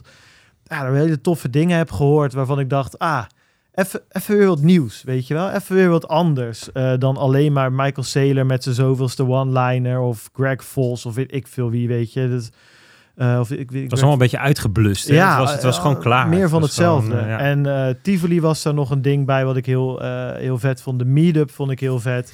Maar bijvoorbeeld die Bitcoin biertap die we dan in Amsterdam zagen en dan in Tivoli zelf hadden. Ja, daar kwamen toch weer heel veel dingen samen waarvan ik dacht van, ah, even weer een beetje experimenteren. Even een beetje dingen uitproberen. En ik merkte wel van dat dat we weer uit die Bitcoin burn-out eh, heeft, eh, heeft getrokken. Die overigens niet te letterlijk moet nemen. Ik vond het allemaal nog leuk om te doen. Maar wel dat je dacht van ja, gaan we dit nou nog vier jaar volhouden op deze manier? Weet je wel? Eh, nou ja, goed. En toen gebeurde er wel van alles daarna. Maar dat was allemaal wat minder positief. Dus ehm, ja, dat was, het waren voor mij eigenlijk de onderwerpen van het jaar. En bij die burn-out horen dus ook al die negatieve... Ja, Jan, voor mij ook nog een 0.0 alsjeblieft. Ook al die negatieve dingen, zoals een FTX, zoals een Celsius, zoals een 3AC, eh, noem, ze allemaal, eh, noem ze allemaal maar op. Dus dat was voor mij de onderwerpen van het jaar. Ik zal het heel kort houden dan. Ik heb een woord. Een woord wat het woord van het jaar is voor mij. En dat is pijn. Ja. Jerome Powell had het over pijn. We moeten pijn doen aan de economie. Dus dat vond ik een mooie referentie. Ik vond ehm, het ook pijnlijk om te zien dat, dat die bedrijven allemaal zo helder zitten, zitten kloten. En daarmee zoveel vertrouwen hebben vernietigd. Dus het voelt zo ongelooflijk zinloos. Ik bedoel, ik vind het heel goed. Hè? Ik bedoel, we hebben het vaak over de bosbrand. Die het do- dode hout verbrandt. En dat moet gebeuren. Dat geeft ruimte voor nieuwe groei. Weet je, eh, de creative destruction. Dat is allemaal, dat is allemaal goed in een, in een ontzettend snel groeiende, divergerende markt. Waar ook alle foute experimenten gewoon moeten verdwijnen. Maar er is ook zoveel stuk gemaakt dat helemaal niet stuk had gehoeven. Dat gevoel, weet je, wat vertrouwen. Mooie Ja. bedrijven die met een enorme scheur in de broek zitten. Dus dat is pijnlijk. Pijn in je portefeuille. Ik bedoel, laten we gewoon wel even gewoon reëel zijn. Het is gewoon niet lekker als dat er staat. Wat er, ten opzichte van wat er eerst stond. En Maar ook, bij mij thuis staat het er nog gewoon. Hoor. en ook een beetje pijn. Ja, hij is slim. Hij rekent alleen maar in bitcoin. Nee, maar, en ook een beetje pijn in, om, omdat... Het, het viel me wel tegen dat er gewoon een hele grote groep mensen, de anti-bitcoiners, zo blij waren dat het allemaal in elkaar stortte. Zeg maar de, de, de, de, de, de vrolijkheid en de, en de opgetogenheid van de bitcoin-haters. En het zelfvertrouwen wat ze daardoor kregen om nog harder op het graf te dansen. Dat vond Mm. ik ook Ja, je, je, je- pijnlijk een je beetje. oogst wat je zaait. Ja, misschien. Goed, Nee, dus dat- maar ik bedoel meer, dit is natuurlijk, je hebt de hele uitgesproken tegenstanders en voorstanders op Twitter. En het, ik Mhm. vind dat soms ook lastig om die, om even te onthouden dat dat inderdaad eh, een, een relatief kleine groep is, zeg Mm, maar. Ja, is ook. dat, nee, vind maar- dat, is, wel- dat is ook een beetje... eh, dat, Het, raakt, het raakt mij persoonlijk, omdat ik natuurlijk heel veel in de media, in het nieuws Ja. ben. En, ehm, en dat wordt ook een beetje afgereageerd op mij. Ja. Hè, als twitteraar, als, Ja. als persoon die dan... eh, Vandaar die pijn. Ja, dus doet Ja. gewoon iets pijn. Ja. Maar ik herken dat wel. Ik bedoel, je trekt Dus- je toch enigszins aan. Ik merkte ook wel, eh, wat ik net zei over Arjan Lubach en zo. Daarna, ja, het was toch op, Ik bedoel, we op, kunnen op, ons... op, op verjaardagen toch wat Klopt. minder leuk om uit te leggen dat je een En, crypto-podcast en had. kijk, wij zo, kunnen ons je denk ik echt onwijs eh, eh, recht in de spiegel aankijken. Hè? Eh, we hebben altijd over die landingbedrijven gezegd, joh, moet je dat nou wel doen? De, de, potentiële upside versus de potentiële downside. Um, not Sure. your keys, not your coins, je ziet enzovoort. We hebben, ja, weet je, ehm, ehm, eh, eh, over, hè, we hebben nooit allerlei, het gaat binnenkort naar 100k memes en het is gegarandeerde supercycle-achtige shit gedaan. Dus ik denk op zich, wel. Behalve in de voorspellingen van vorig jaar. ja, maar goed, dat is natuurlijk anders. Daar komen we straks op. Maar goed, oké. eh, zullen we de volgende ja, maar de- eh, ik, ik heb nog even er tussendoor gefietst. Hoogtepunten van het jaar. Maar goed, die hebben misschien hebben die net al een beetje erbij. eh, als, als ik zeg tegen jullie, Bitcoin Amsterdam, de Meetup, Tivoli, Bitcoin Miami. he- hebben we ze dan? Of waren er nog hoogtepunten tussendoor? Hoogtepunten voor onszelf of voor, of voor Bitcoin? Of voor de nou ja, voor Bitcoin ben je snel uitgepraat, Nou, denk ik vond, ik, ik vond dus de freedom, eh, Ja, dat je dat, de- dat die realisering, Ja. vond ik wel mooi. Maar die hebben het ook besproken. Hebben we, missen we iets als we zeggen hoogtepunten? Ehm, dat dat ehm, door in al die crashes alle eh, zeg maar Bitcoin, Lightning, DeFi gewoon is blijven werken. Hè, dus de, de, de, de onderliggende technologie heeft het gewoon gedaan. De cryptobedrijven die donderden allemaal als mussen van het dak bij 40 graden. En de techniek, is geen blok gemist. Vind ik ook wel ehm, een mooi dingetje. Want, Ja, eh, dat, dat is zeker. Ja, daar ben ik met je eens. Dat, En er Ja. zijn, nee, ik, ik heb wel meer hoogtepunten, ja. Maar dat, zijn, dat is meer persoonlijk. Of gewoon, of gewoon wat we in het, wat we in het, in het, ehm, in het jaar 2022 hebben gedaan in werkende context. Zeg maar. Mhm. Gewoon best wel veel nieuwe leuke mensen ontmoet en leren kennen. Op plekken geweest waar ik van tevoren niet had gedacht dat ik er zou zitten. nee. Eh, ik heb Bert op podia zien staan met zijn met met zijn hoofd in het AZ-stadion zien hangen op, een weet je, van die gekke dingen. Weet je, de, de- de- ja, nee. Ik heb ook, wat jij beschreef van die burn-out, dat, gevoel, dat heb ik ook niet echt gehad. Da- om die reden niet echt gehad. Maar gewoon wel, wel veel, veel gave dingen gedaan. En, en, en leuke gesprekken kunnen voeren. En op bijzondere plekken geweest. En ja, dus ik, ik snap wel wat je bedoelt. Maar het was, het was en is nog steeds wel gewoon een boeiend jaar geweest. Dat maar. zeker. Dus eh, nee, ik, ik, kan ze niet allemaal zo eventjes uh, Had jij- oplepelen. Maar had je eh, Bitcoin Miami ook in je lijstje? Jazeker. Oké, ja, die vond ik- dat was in maart. Ja, nou ja, april. april. April. Ja, ja. Ja, wel? Of moet ik Ja, zeker. Nee, Nee. daar, is- daar is echt wel. Dat vond, ik vond het sowieso vet met al die gasten daar te zijn. Maar ook gewoon, er zijn wel mooie dingen ook uit voortgekomen. Ja, is, Toch wel, eh, eh, zeker. cool. Bitcoin Amsterdam. eh, nou, ik, ik, zal niet zeggen dat het daardoor gekomen is, maar er zijn wel zaadjes goed behandeld, zodat ze later konden ontspruiten.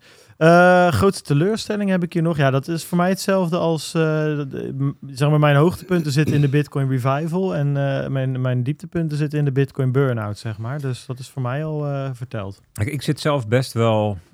Ja, ideologisch is een groot woord, maar wel met een bepaald principe erin. Hè. Dus ik, ik, ik- Peter en ik leggen dat vaak uit. We vinden decentralisatie heel belangrijk. Dat is echt een wezenlijk punt. En dan kijken ook terug naar onze carrière in de tech, waarin we grote techreuzen, ja, ik wil niet zeggen corrupt, maar wel eh, extreem machtig hebben zien worden. Hè. We, bedoel, we hebben talks gezien op Frontiers, dat mensen uitlegden hoe, hoe dark patterns werkten. Hoe je dus in, in, in social media met allerlei patronen de, de meest kwetsbare mensen kon eh, verleiden om op advertenties te klikken.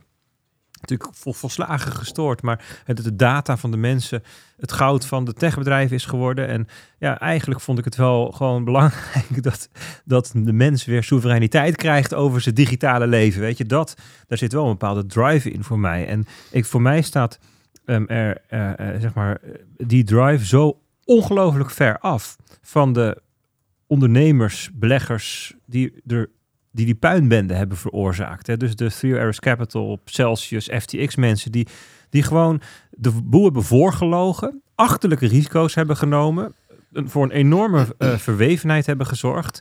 En als ze zichzelf in de spiegel aankijken, moeten zeggen van ja, dat kon eigenlijk ook maar op één manier aflopen. Hè, ik bedoel, het, ehm, het had wat langer kunnen duren. We hadden misschien, als het anders was gelopen, ehm, het hete aardappeltje nog even een jaartje voor ons uit kunnen schuiven. Maar dit, dit kan gewoon niet goed komen. En ja, ik vind dat wel, ik vind wel gewoon dat ze het een beetje verprutst hebben. Dat vind, ja, dus dat vind ik wel, vond ik wel teleurstellend. Ik had wat meer verwacht dat ze er, net als ik, nee, maar dat ze er wel wat, ja, wel wat principiëler eh, in zouden zitten. Van ja, ze hebben nu gewoon eigenlijk. Hè, Ik bedoel, het eerste blok van Bitcoin, de bailout of the banks, weet je wel. En dat hebben ze gedaan. Exact hetzelfde. Gewoon weer. Ja. Ja.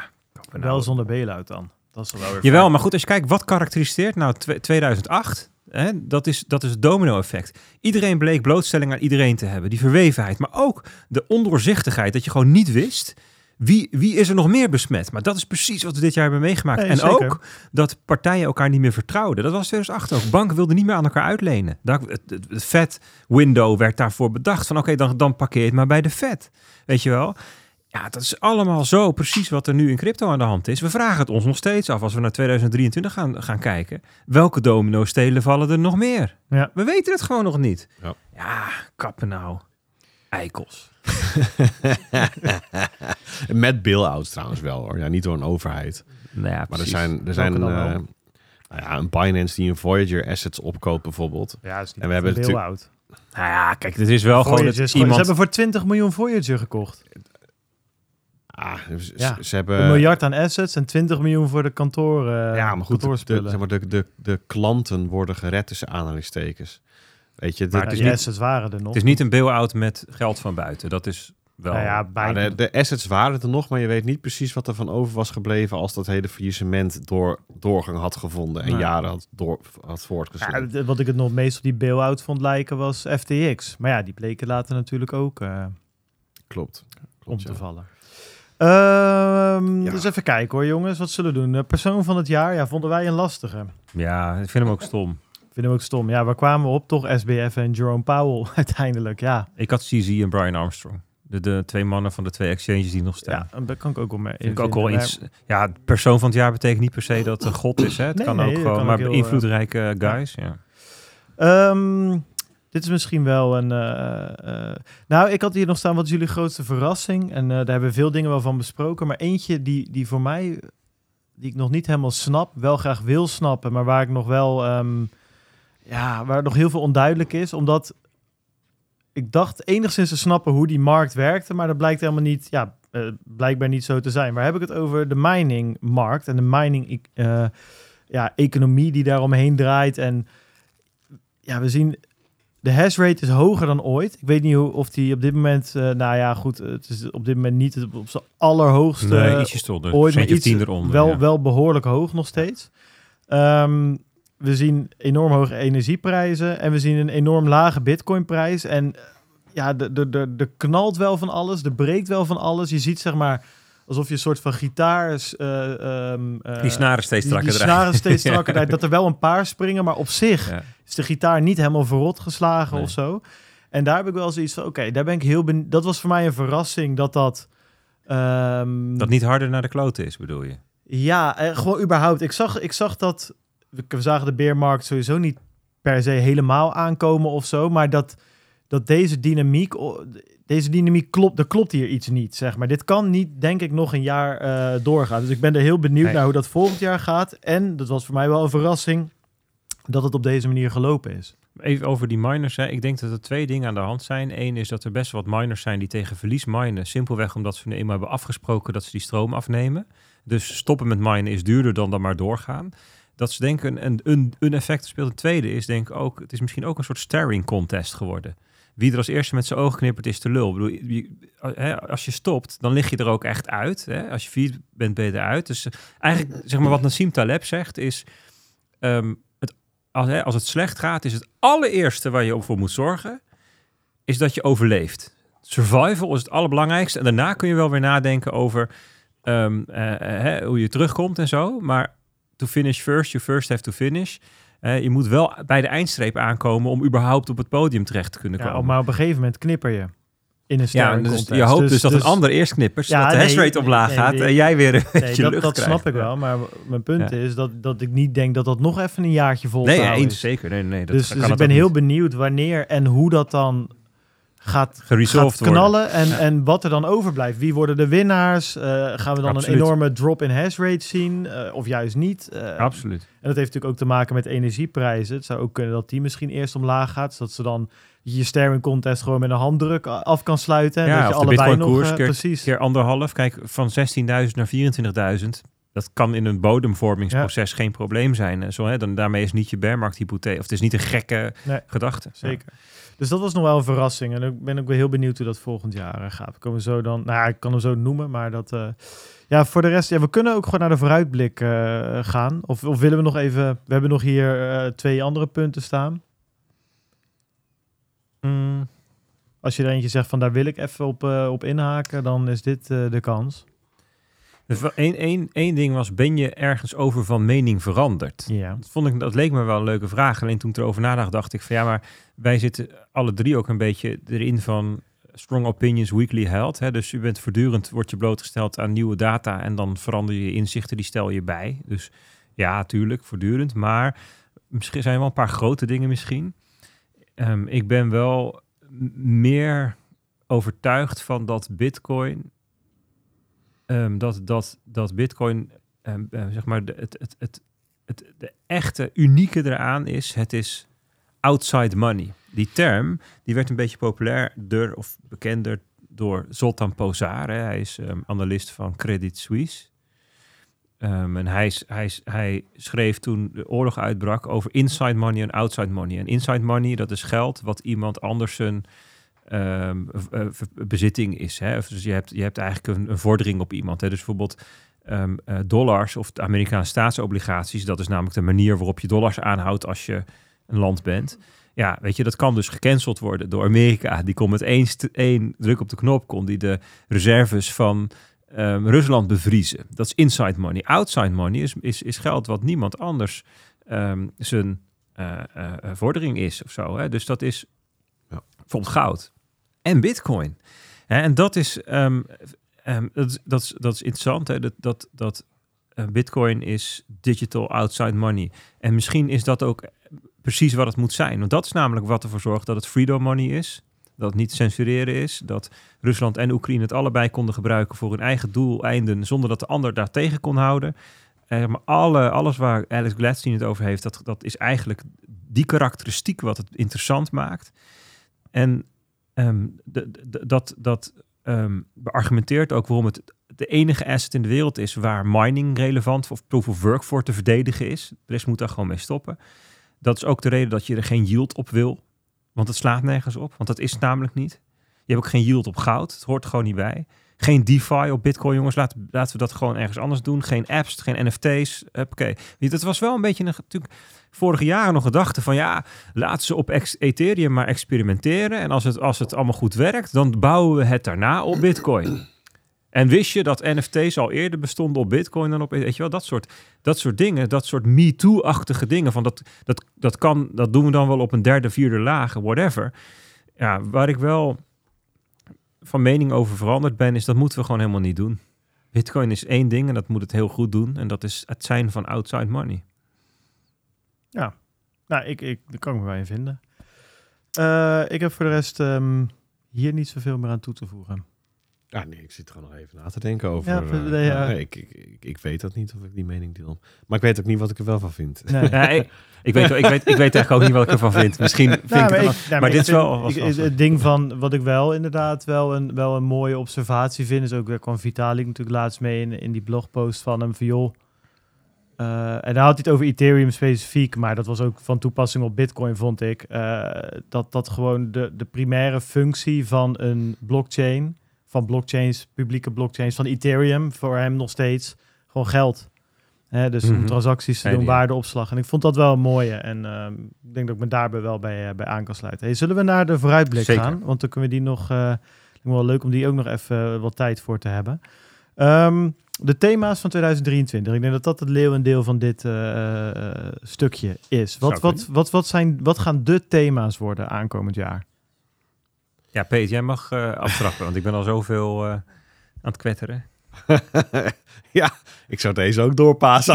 Ik, Oh, nou, oké, ja, ik doe een lijstje staan. ik, doe, nee. ik doe het graag. ja, nee, maar ik- Je zei, je, we hadden het van tevoren even over. Zei, ja, ik vind voorspellen zo lastig. En dat is die quote van Niels Bohr. Hè? Die zei, prediction is very difficult, especially if it's about the future. Ja, Nee, ik, het punt is, dat dat is ook wat ik eh, helemaal aan, aan nou, niet aan het begin, ik weet niet, maar eerder in de show eh, zei. Van, ik, had, ik heb het gevoel dat ik een week op een onbewoond eiland nodig heb om hier iets zinnigs over te zeggen. ik krijg een beetje dat CK Snarks eh, gevoel. Nee, nee, nog, nog, nog veel erger. Oh. Want wat worden de thema's van 2023? En dan gaat het over crypto. Daar zit een laag onder. Namelijk, hoe gaat het, gaat het op allerlei macrofronten? Hoe gaat het jaar eruit zien? Dan bedoel ik geopolitiek, economisch, ehm, maar ook de landelijke politiek. En er zijn wel meer ja, van die grote krachten die in beweging zijn. Hoe, hoe komt dat eruit te zien? Het antwoord op die vraag beantwoordt namelijk he- heeft ontzettend veel invloed op wat de crypto-thema's van 2023 gaan worden. Het is de context waarin het zich afspeelt. Ja. Die waarvan we in 2022 al hebben gezien, die context kan alles bepalend zijn. Nou, en ik geloof dat dat ook voor 2023 het geval gaat zijn. Dus eigenlijk moet je eerst de vraag stellen: hoe komt dat eruit te zien? Nou, en dan zijn er denk ik al vier of vijf scenario's die naast elkaar bestaan, waarvan je al moeite hebt, tenminste ik heel veel moeite heb te zeggen van nou, dat scenario, dat, dat vind ik het meest waarschijnlijk. Want ze lijken, ze zijn allemaal, kunnen, zitten in zo'n periode, Bertie heeft het wel ook wel eens verteld, hè, dat het de periode is waarin, eh, waarvan Bert zei nog nooit meegemaakt, er zoveel verschillende soorten scenario's tegelijkertijd waar kunnen zijn. Ja, toen dacht ik, ja, als ik dit dus moet beantwoorden, dan moet ik dat dus niet één keer doen, maar vijf keer. Dit zijn elke, dit, dit zijn Laat staan als die scenario's Ja. ook nog interacteren met elkaar. Dan gaan we exponentieel denken. Hè? Veel scenario's die allemaal tegelijk plausibel zijn en te onderbouwen met data. Daarom. Tegelijk waar kan natuurlijk niet, maar dat dat ja. En dus Ja. wat worden de thema's 2023? Ja, dat, dat kunnen er dus heel veel zijn, om verschillende redenen. In verschillende contexten. Ja, en toen stopte ik. Toen dacht ik, ja, ik, ik kan deze vraag dus ik niet, niet nu beantwoorden. Want ik heb dus niet een week op een onbewoond eiland gezeten. Hmm. Had ik dus, maar ja, dan had ik eerder moeten beginnen met het eh, voorbereiden van deze show. Dan had ik een week op een onbewoond eiland kunnen gaan zitten. dat heb ik dus niet gedaan. Je kan dan Goeree kunnen gaan. Ik had er wel Ja. leuke adresjes voor je. Ik Is heb onbewoond? Oké. Nou, een beetje op, eh, Min of meer. midden op een weiland, weet je. Kom je een heel end, hoor. Maar toen dacht ik, oké, nou weet je, dan doen we gewoon een gooi. Hè? Ja. We, we, was volgen- ook een beetje de bedoeling van dit. We, eh, we volgen gewoon ehm, wat de centrale bankiers eh, eh, zeggen.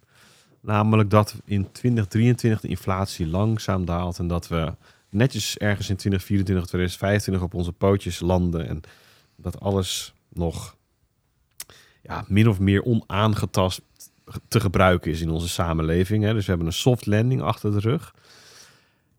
Als dat zo is, dan denk ik dat we een vrij saai jaar ingaan. Hè, dan wordt het een, een, een jaar van lage liquiditeit, lage prijzen. En dan wat we nu hebben gezien de afgelopen 1, 2, 3 maanden. Zijwaartse koersen. Dan, dan gaan we daar meer van krijgen de komende 12. Ja. En dus dingen die net zijn gestart gaan het heel moeilijk krijgen. Faillissementen, capitulatie, de pijn waar Powell het over had. En dus- dan, dan denk ik dat dat ook min of meer de thema's zijn van dat jaar. En dus je dus, zou... dus ook dat, dat niemand er meer over schrijft. Want de, de- het is niet meer interessant. Ja, ook. Ook, ja. ja. Een soort kopie van 2019. Ja, ja, het is moeilijk om, om, een, eh, om te zeggen het is een kopie omdat de omstandigheden zo anders zijn, ja, is waar geworden. trouwens. Ja. En want tegelijkertijd is het ook wel weer een, een periode van wederopbouw. Zo zou, eh, we hebben nu best wel wat crashes, echt wel.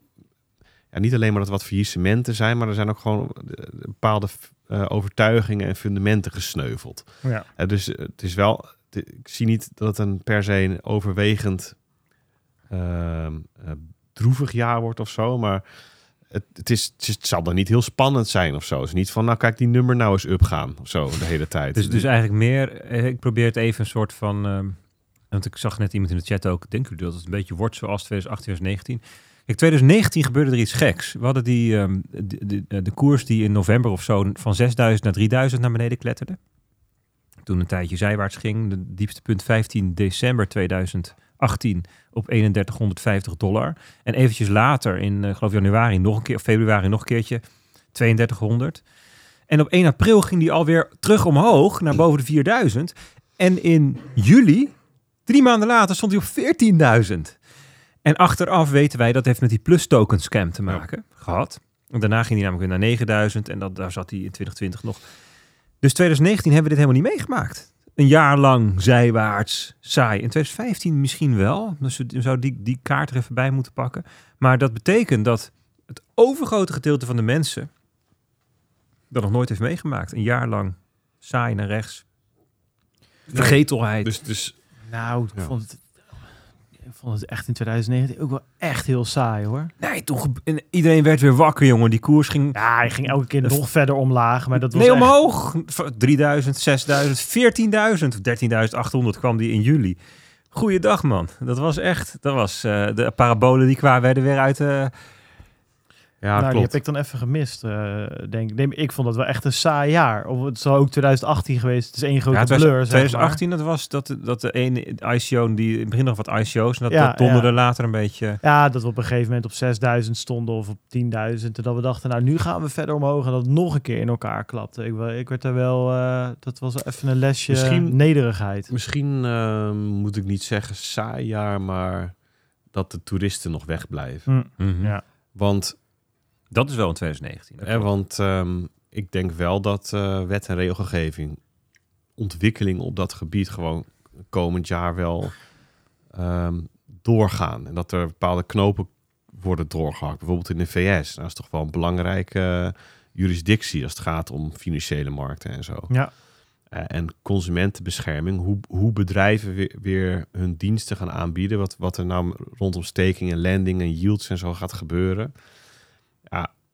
Ik, ik denk niet dat, dat het op dat vlak per se saai wordt. Ik denk wel dat veel mensen dat Saai percepiëren als ja. saai. Snap je? Dus ik, ik, ik maak me niet zoveel zorgen over ons jaar 2022, 2023. Maar ik denk wel dat het over het algemeen gezien gaat worden als een saai jaar. Als de omstandigheden zo zijn Ja. zoals ik net Als een tussenjaar of zo. Wat natuurlijk wel ja. interessant is dat je aan de ene kant zeg maar, hè, het maken van wetgeving, het implementeren van die wetgeving gaat zien. En ook aan de andere kant toch wel uitvoering van wetten. Dus, hè, je hebt natuurlijk het Mhm. hele FTX-verhaal, wat toch in 2000, eh, het zal niet klaar zijn volgend jaar, maar wel gaat beginnen natuurlijk. Al die rechtszaken Ja. en dat soort dingen. Dus dat is ook wel erg interessant, eh, vind ik. Heb nog wel een paar andere thema's. We hadden net die mining eh, dingen. Ik denk dat dat voor Bitcoin een thema gaat worden aankomend Zeker. jaar. Eh, Lightning, ik denk dat dat... ehm, ja, ik zie daar toch wel weer dingen waarvan ik denk... hey, dat is vet. Ik heb echt jarenlang lopen kloten met Zeus... eh, via Tor naar mijn wallet... en uiteindelijk geprobeerd een VPN. Ja, ik heb nu een LN-bit server... en je scant een QR-code en het werkt gewoon. Dus dat was echt niet heel moeilijk om op te zetten. Sterker nog, daar zijn allemaal... je kan dat zelf doen, dat heb ik nu gedaan... Of je doet het bij OpenNote, of je doet het bij eh, Voltage of een van die andere gasten. Je, op, ja, je huurt gewoon een note en je koppelt je telefoon eraan. Het is rete snel, het ziet er mooi uit. Die apps worden steeds beter. Ik zie daar wel eh, die NFC-kaartjes natuurlijk, die we ook op Bitcoin Amsterdam hebben gezien. Het, het, ja, begint wel ergens op te lijken. Ook, ook eh, met LM Bits, dat je gewoon een walletje aan kan maken zonder dat je direct root toegang tot, aan je no tot, tot je note hoeft te geven. Ja, ik vind dat heel vet. Dus ik denk dat daar wel wat dat dat echt weer even door Mhm. gaat zetten. Na een jaartje eigenlijk een beetje eh, leek het stilgestaan te hebben, Lightning. Zeker de eerste zeven, acht maanden vond ik van een afstandje. Eh, ik heb het idee dat ja, dat, vond, dat ja, voelde voor mij weer als een stap verder eh, in ieder geval. Inderdaad, wetgeving. Ik, ik heb ook hier opgeschreven de purge. En dat is gewoon, ja, als bitcoin een jaar lang, weet ik veel, onder de 30.000 blijft of zo, of onder de 25, I don't know. Ik ben benieuwd welke bedrijven blijven over. Zowel in Nederland als erbuiten, als in Europa. Ja, wie houden dit vol? Of miners? Heb je nog sponsors op te lezen straks? Of Nou zijn ze allemaal weg? Het worden er al steeds minder. Dus wat dat betreft eh, gaat het, eh, eh, zie je dat daar ook inderdaad terug. Dat ze niet failliet gaan, maar dat het wel eventjes... eh, Over een, eh, over een jaar. Deze eh, podcast wordt mede mogelijk gemaakt door Bitonic. ja, maar punt. het- dus de enige die over is. nee, is- nou ja, Betonic Nee, ik zit, er hoop niet, het niet. zit er niet eens tussen. Misschien als, eh, als ze allemaal weg zijn, dat ze dan willen inderdaad. Zou Ja. kunnen. Ehm, Ja, dat bedoel ik. of dat ze dan de poot stijf zeggen, ja, jongens. En ik denk... ehm, Eerst vier seizoenen ik- van YouTube af. Ik denk, ik denk, ik gooi er nog eentje in. Ethereum breekt. Ehm, en de vraag is of ze dat kunnen repareren zonder dat dat echt kapot gaat. Dus eh, er zijn zoveel complexe dingen nu naast elkaar. Het MEV-debat wat we zien. Ehm, eh, de ZK roll-ups en de roll-ups in het algemeen. Eh, we hebben natuurlijk die OFAC-compliant eh, blocks eh, ehm, eh, gezien. Het gedoe met de validators, proof of stake, wat natuurlijk ja, nu echt een jaar moet gaan draaien. Of althans, de komende 10, 20, 100, 100.000 jaar als het aan, aan Vitalik ligt. En ik heb het idee dat ze zo. Ik ben heel benieuwd of dat nu allemaal bij elkaar met alle wijzigingen die ze nog aan willen brengen. withdrawals moeten aangezet worden. Ik denk dat er ergens iets kapot gaat. En mijn vraag is: is dat iets groots wat kapot gaat? En zo, ja, kan het gefixt worden? Misschien wel, misschien niet. Want als dat wel zo is, als het gefixt kan worden en ze kunnen door, ja, dan zijn ze natuurlijk wel. Ja, weet je, als je iets zoiets complex kan laten werken, ja, dan, dan heb je wel iets tofs in de handen, denk ik. Weet je, als je die problemen op kan lossen. Maar ik denk dat er iets gaat breken. Dat is even de, de hot take eh, hier. Oké. Ehm, Dus voor, voor, voor Ether wordt het een... eh, maar ook voor, bit, voor Bitcoin is met die miners, dat is voor mij echt wel een, een ding waarvan ik denk, ik ben heel benieuwd hoe dat, dat is wel iets wat nu buiten een boelmarkt eh, zich moet gaan bewijzen. Van werkt dit systeem? Want we zeggen elke keer wel proof of stake. Nou ja, we zeggen dat proof of stake eh, eh, allemaal natuurlijk nadelen heeft. Maar dit is wel een periode, de, de oneindige boelmarkt is over. Eh, eh, gewoon in, in Mhm. de wereld, zeg maar. Het zou zomaar kunnen dat we voor een paar jaar iets van een bear market ingaan met, met ehm, minder kapitaal voor bedrijven en een hogere rente en weet ik het allemaal. Ehm, en als daarbij hoort een lagere bitcoinprijs en door allemaal verstoringen in de markt een hogere energieprijs of hogere eh, grondprijs of, of gekke sneeuwstormen in Texas die vaker voorkomen, ik weet het niet, maar gewoon een, een complexere omgeving waar je in verkeert. Of mining gewoon nog wel een, een lucratief businessmodel is. En als dat het misschien niet is, van wat voor vorm neemt het dan aan? En dan ben ik heel benieuwd of het die vorm die het, want dat zeggen bitcoiners natuurlijk altijd, ja, maar dan gaat de difficulty omlaag en dan blijven de miners over die dan nog kunnen minen. Dat is misschien wel zo. Maar dan is mijn vraag, is dan, waar zitten we dan qua hash rate? En is dat nog voldoende om het, eh, voldoende om het eh, netwerk veilig te houden? En zo nee, gaat er dan wat gebeuren? Dus dat is ook een heel, een heel dynamisch, complex schouwspel, wat ik wel heel interessant vind om te volgen als de complete economische situatie verandert volgend jaar. En wie weet verandert dat niet. Of blijft dat niet zo eh, zoals het nu is. Maar dus dat is voor, voor Bitcoin wel, wel een ding waar ik, ik naar ga kijken in ieder geval. Ja, er zijn natuurlijk wel andere dingen. Ik, ik zou het wel leuk vinden als Bitcoin weer wat innoveert als het gaat om privacy. Weet je, we zitten natuurlijk qua adoptie en willen het allemaal graag. Maar in principe, als je natuurlijk iemand zijn X-pub hebt of een, gewoon überhaupt een adres, dan kan je alles nachecken. Dat, dat mag ook wel weer wat. Ik vind dat er wel weer wat innovatie eh, op, op de Bitcoin core laag eh, mag komen wat dat betreft. Eh, dus ik ben daar wel heel benieuwd naar. Maar dat zie ik minder als een probleem volgend jaar dan die miners. Ik ben wel heel benieuwd hoe dat zich uit gaat spelen. Oké. Ehm, zijn, hebben we hier nog andere dingetjes die we hier uit willen pikken? Want we hebben ook nog wat voorspellingen. Nou, ik, wil, straks, ik zou eigenlijk ook wel thema's van 2023 even wat... eh, ja, nee, dus dan, dan, sluit- gewoon even, zullen even we daar gewoon jij- mee afsluiten dan? Ja. Prima. Ja? Zou ik wel leuk vinden. Eh, je had de mi- miners, wil ik wel even op reageren. Ik zie dat eigenlijk, ik, ik kan eigenlijk niet een ehm, goed een scenario bedenken waarin het echt een probleem wordt. Ehm, zeg maar, dan moet, je, dan moet ik de parameters wel zo extreem maken. Dus stel dat de koers naar 5000 dollar gaat en eh, de energieprijs verdrievoudigt, ja, dan moeten wel zoveel miners in de knel komen. Hè? Weet je, dan je moet het wel vrij extreem maken. Wil ik denken van, oeh, dit wordt, nu wordt hij, nu wordt hij zo spicy, hè, dat, dat bijvoorbeeld ehm, het voor een partij super goedkoop wordt om heel veel oude hardware op te kopen en daadwerkelijk het netwerk aan te vallen. Dus ja, d- dat, zit zeg maar niet in mijn meest waarschijnlijke scenario's, komt deze niet voor. Wel dat er nog wat pijn geleden wordt tegen en der, dat geloof ik direct. Zeker omdat sommige miners gewoon iets te scherp aan de wind gezeild hebben. Ehm, en ik ben ook benieuwd naar de combinatie van mining en regulering. Eh, gaan, gaan overheden nog, ik bedoel, in Amerika is het natuurlijk redelijk vrij, hè, hoe zeg je dat? Ja, eh, er wordt veel vrijgelaten, maar stel dat ze daar ook wat lelijke dingen gaan vinden over miners en zo, ja, dan er Ja. zit best wel veel hash rate nu. En Europa is natuurlijk best wel eh, een anti-proof of work eh, wind die er waait. Dus, dus die, die vind ik nog wel interessant. Eh, wat, wat de regulering gaat doen. Ja, ik denk regulering een thema, daar hoef je het niet lang over te hebben. Dat, dat, dat gaat gewoon het geval zijn. Ehm, veel van de regulering, zowel in de VS als in Europa, ging ook over stablecoins. En dat vonden ze heel belangrijk. Weet je, de, de Nederlandse bank ook, die zei ook van ja, ook als het gaat om bijvoorbeeld ehm, eh, systeemrisico's, en besmettingsrisico's, en monetair beleid, dan, dan zijn stablecoins het belangrijkste. Dus Mika heeft ook een heel uitgebreid stuk over stablecoins. Dat moet echt goed gereguleerd worden. Ik denk terecht, vanuit hun perspectief, hè, ehm, eh, vanuit de centrale bank, want stablecoins zijn misschien wel de meest succesvolle use case van crypto op dit moment. Het, dat ver, ver- verbaast me hoe groot, ehm, hè, hoe weinig het bedrag aan stablecoins gedaald is, deze bearmarkt. Er zijn, er, bedoel, dat zat op, weet ik veel, 180 miljard en dat is daar niet heel veel, niet heel veel onder. Hè? Terwijl de, market cap van alle crypto bij elkaar met 75% gedaald is of zo. Ehm, die stablecoins, dat zijn gewoon allerlei ehm, ehm, mensen, huishoudens, bedrijven, ook instellingen, financiële instellingen, die het gewoon gebruiken. Waar het gewoon echt su- super relaxed voor is. Je gewoon 24-7 dollars aan de andere kant van de wereld kunt eh tennissen. En ehm, ja, ook als we het hebben over eh, mensen, inclusiviteit en mensen in landen met problemen, die willen gewoon dollars. Die willen helemaal geen volatiele munt waarvan je moet afvragen of je volgende week de huur en de reis kunt betalen. Dus die stablecoins, ja, dat is misschien wel de eerste echte grote serieuze use case van het hele crypto verhaal. En ja, dat is ook waar het DNB zijn rapport een beetje op hint. Ze zegt van ja, dat werkt wel, die stablecoins. En dan, dan, dan vergeten ze even dat die stablecoins alleen maar werken omdat daar iets van een rails onder ligt. Hè. Ik bedoel, dat, dat, maar goed, dat laten we even.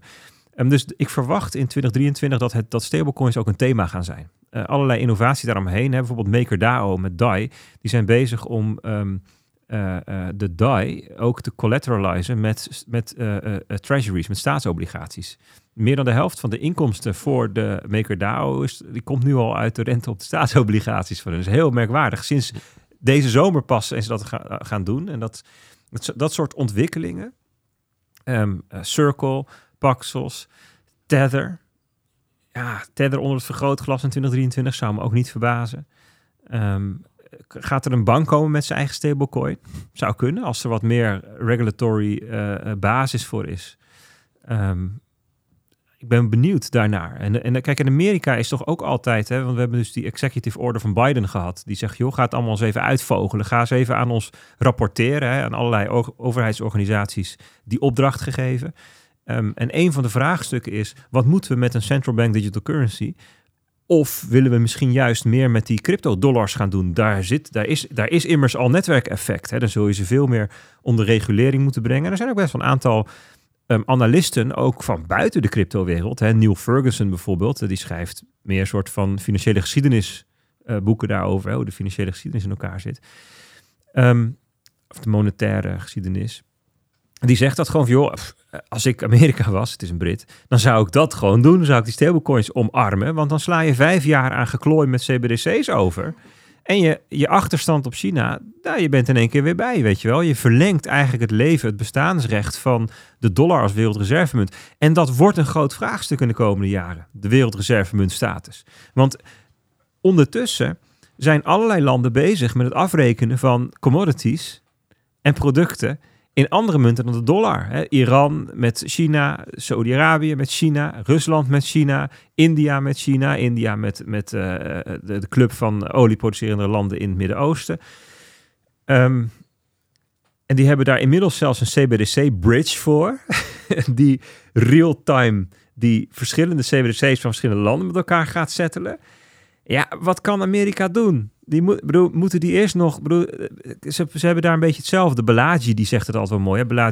Srinivasan, die zegt. Ja, je moet de wereld niet opdelen in eerste en derde wereldlanden. Hè, of in developed en developing countries. Maar in ascending en descending countries. Hij zegt, ja, Amerika staat misschien wel heel hoog, maar is wel descending. Het, het lukt ze daar niet eens meer om fatsoenlijk een wc in een metrostation te openen. Ja, dat is een beetje zo'n soort eh, bullshit voorbeeld, maar wel hè, Mhm. tekenend. Nou, dat merken we in, in Nederland ook, weet je. Ehm, dat zei de, ja, wie was het ook weer, Bert Hubert of zo, die zei de Nederlandse overheid is zo incompetent dat ze zelfs niet meer kunnen beoordelen of de mensen die ze inhuren competent zijn om hun werk te doen.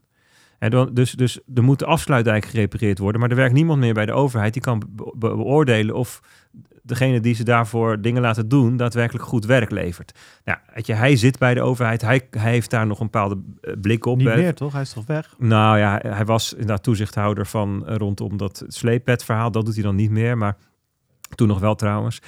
Ehm, als ik het zou zeggen, zou het populistisch zijn. Hij heeft er een soort van kijk op. Ja. Maar ik denk, ik denk wel dat er zit wel een kern van waarheid in. Hè? Ik bedoel, wij krijgen moeilijker dingen voor elkaar dan China. Je, Dat is ook handig als je dictatuur bent. Ehm, maar, eh, eh, dus het zou voor Amerika helemaal geen gek idee zijn om even mijn zijpaadje terug te, te lopen. Om, om, om die stablecoins te omarmen. Of ze het gaan doen, weet ik niet. Want er zitten natuurlijk ook allerlei eh, consequenties vanuit allerlei bestaande machtsstructuren die dat helemaal niet fijn vinden. Maar ik denk in ieder geval dat het gesprek rondom stablecoins een thema gaat worden in eh 23. Nou, Bart, je had het over Ethereum. Je zei van, ja, ik, ik zie dat wel eens even in tweeën breken, een soort van Titanic. En ik, eh, ik neem daar de andere kant van die bed. Want ik, ik moet ja, zeggen... maar wacht even, want dit is, dit is, dit is een, eh, weer, weer een klein stroomannetje. Ik zie het breken en dan was mijn vraag daarbij. Kunnen ze het repareren Ja, ja, of niet? ja, Dus ja. het is niet dat Nee, maar het, ik neem de eh, andere gaan- Titanic was duidelijk, was niet te Oké, repareren. oké, fair enough. Oké. Ehm, maar breken, dat betekent wel dat het kapot is. Eventjes, ja. Eventjes. Of voor altijd. En dat ligt dus aan het reparatie. Ja, dat gedeelte. reparatievermogen. Ja, ja. Ja, oké. Eh, ik, ik denk dus ehm, ehm, dat, ehm, dat Ethereum het eigenlijk hartstikke goed doet. En ehm, eh, gaat doen. En dat verbaast mij ook een beetje. In zekere termen van zin. wat? Nou, in termen van een aantal dingen. Kijk, bij Ethereum zag, zag ik best wel een aantal risico's. Dat die hele merge best wel dramatisch zou uitpakken. Dat er echt allerlei nare dynamiek daarna zou zorgen voor gewoon voortdurende, ehm, eh, hoe zeg je dat, gedegradeerde werking of, of, of gebruiksgemak. eh, incompatibilities die zich zouden openbaren. Ehm, ehm, eh, noem maar wat wallets of zo. Of block explorers of dingen die het gewoon niet meer goed doen. Of iets in die richting. Ehm, ik zag ook best wel, was vond best wel interessant om te zien hè, dat er een soort eh, layer one war was hè, met Solana en Polkadot en Avalanche en noem het allemaal maar op. Ehm, eh, dat, dat, dat de schalingsmogelijkheden van Ethereum werd toch een beetje omgelachen met hun sharding en, eh, en Ethereum lijkt zich op een of andere manier langzaam weer om te vormen naar iets nieuws, waarin het allemaal dan weer naadloos past. En het netwerkeffect van die EVM, weet je, er werd ook een beetje gelachen om, ja, weet je, dat Solidity is echt een achterlijke taal en die EVM is, dat is gewoon echt een soort van eh, Netscape. En nu, eh, ook dat lijkt weer een beetje te pivoten, hè, want nu zijn ze dan toch weer zover dat ze, dat ze ZK snarks kunnen maken, zodat je eigenlijk complete ehm, eh, uitdrukkingskracht van Solidity wel ehm, met, ehm, eh, met die zero knowledge proofs kunt gaan doen Mhm. oh, hè, in rollups. Er zijn allemaal van die dingen waarvan iedereen zei van nou, om die redenen, hè, dus in plaats van ja, het gaat gewoon stuk, om die redenen gaat het stuk, dan lijken ze dan toch allemaal weer op een of andere manier heel mooi mee weg te komen. En interessant genoeg, als je nu Ethereum gebruikt na de merge en na EIP 1559, de gebruikservaring is echt heel veel beter geworden. Want het aardige van Proof of Stake is dat je elke 12 seconden een blok hebt. En het aardige van EIP 1559 is dat je ehm, algoritmisch weet hoeveel ehm, brandstof je, hè, hoe, hoog fee je moet betalen om in het volgende blok te komen. Dus als je iets doet, gemiddeld zes seconden later zit hij er gewoon in. In plaats van dat je moet wachten en refreshen. Oh, het ding mislukt. Eh, eh, shit, hoe kan ik hem terughalen? Want bla bla is, dat is echt. eh, dat is, dus de, de, de belangrijkste gevolg van, van die merge is niet dat de prijs naar de maan is of weet ik veel wat. Of dat het een triple halving is, allemaal dat soort memes. Maar dat gewoon soepeler werkt. En zo zijn er best wel van dat soort dingen dat ik denk, ja, eigenlijk, eigenlijk is het gewoon eh, verbazingwekkend dat het er beter van is geworden hè, de afgelopen jaren. In plaats van dat ze zijn vastgelopen in, eh, nou ja, ehm, ze zijn vastgelopen in hun complexiteit. Ja. Zo. Ja, en ik ben dus heel benieuwd of dat... Ik vind dat nu nog best wel vers, zeg maar. Eh, ik ben heel benieuwd of dat dus blijft. Wat ik, ja. Maar eh, dat gaan Maar we het- zien. Ja. Het, zijn dus inderdaad dingen, dus de, de, de censu- censureerbaarheid. Maar ja, daar hebben ze dan ook alweer allerlei dingen voor. Ik Denk van, ja, maar goed. Maar goed, We gaan het zien. Ah, Ja, precies. De laatste, en dat is eigenlijk een overstapje naar, naar de, het volgende puntje, wat, waar ik nog wel heel benieuwd naar ben, naar jullie mening. Misschien moeten we daar ook mee afsluiten. Ehm, een thema van 2023 wordt, denk ik, de betrouwbaarheid en de transparantie van cryptobedrijven. Ik denk dat we het daarover gingen. Volgens mij zei je dat net ook al. Eh, dat, daar, daar, daar, ehm, dat heeft een reguleringskant. Dat heeft ook een kant dat we als consumenten dat gewoon gaan, gaan vereisen van, onze, van de bedrijven.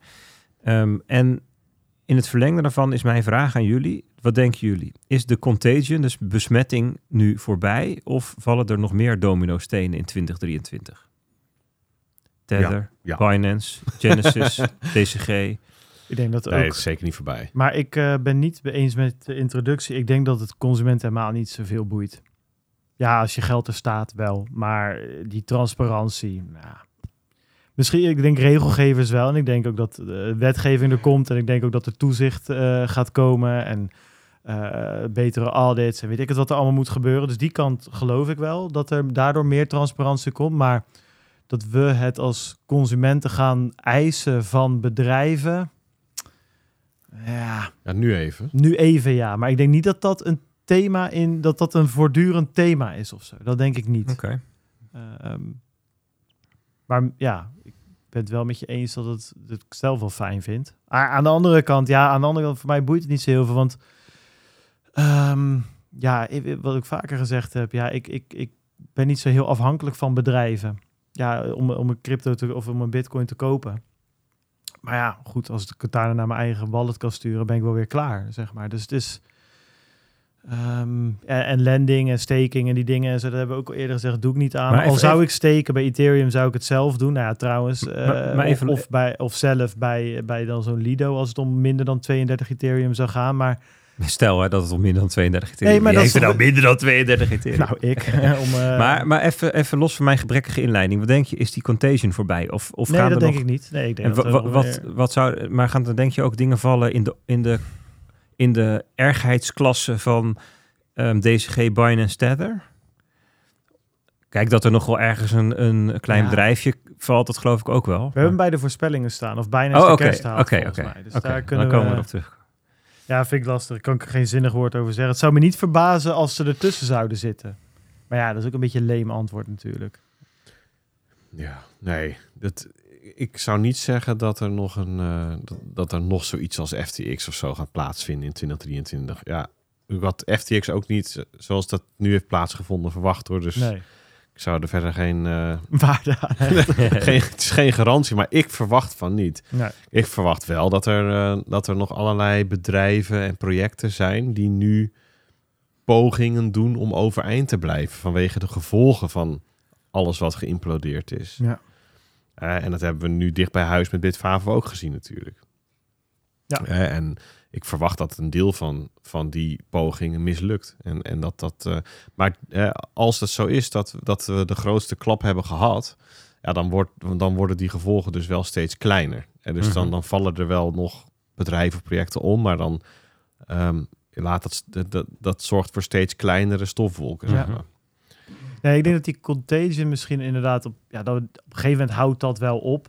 Ja. Maar goed, aan de andere kant zijn we hier natuurlijk ook nu een jaar mee bezig geweest. Weet je, die bosbrand bleek toch elke keer nog wel flink na te smeulen. eh, als we dachten dat we het uitgetrapt hadden, of in ieder geval dat we dat zagen.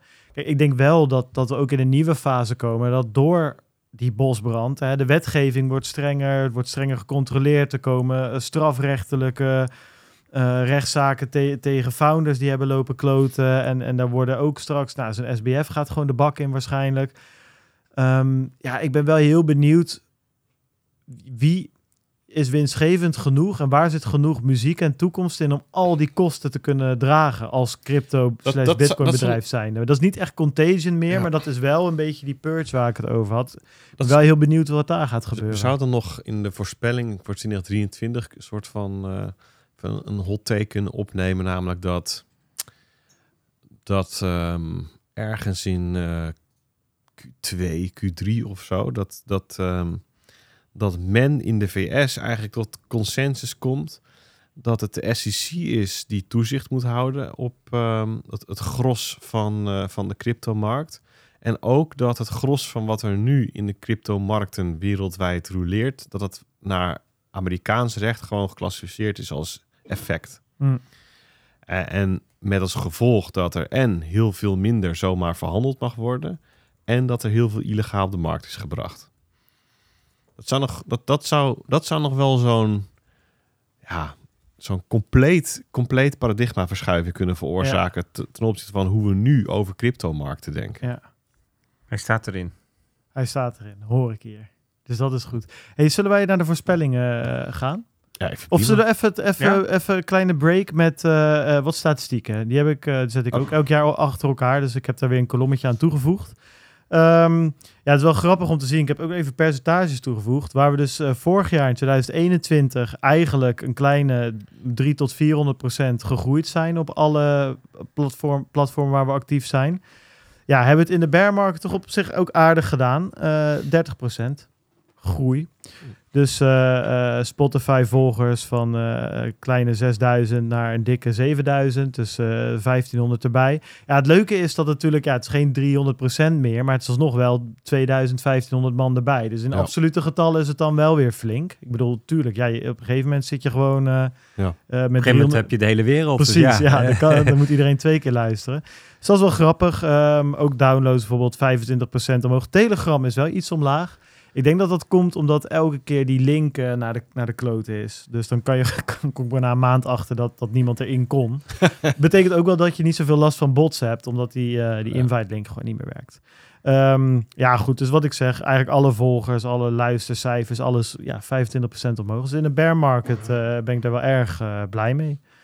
Ehm, ja, het blijft toch best. Ja, ooit had ik als doel eh 100, eh, nee, eh, 1000 ehm, eh, listens of eh, downloads per aflevering. Ja, het zijn er nu 8 tot 10.000, dus dat is wel echt, eh, ja, leuk is dat. Ehm, gaan wij naar de voorspellingen.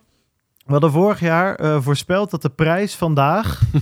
eh Bert die zei 90.000 dollar. Ik zat op 185.000 dollar. En Peter zei 139.795. Jij dacht van, ga ik nog een beetje. Ja, Nou, de uitkomst. Ja, onder, ja. onder de 100.000, eh, dat, dat leek me heel sterk. Ja, mij ik dacht nou. 9000 is wel de bodem van de bearmarkt. Dat dacht ik. Ja.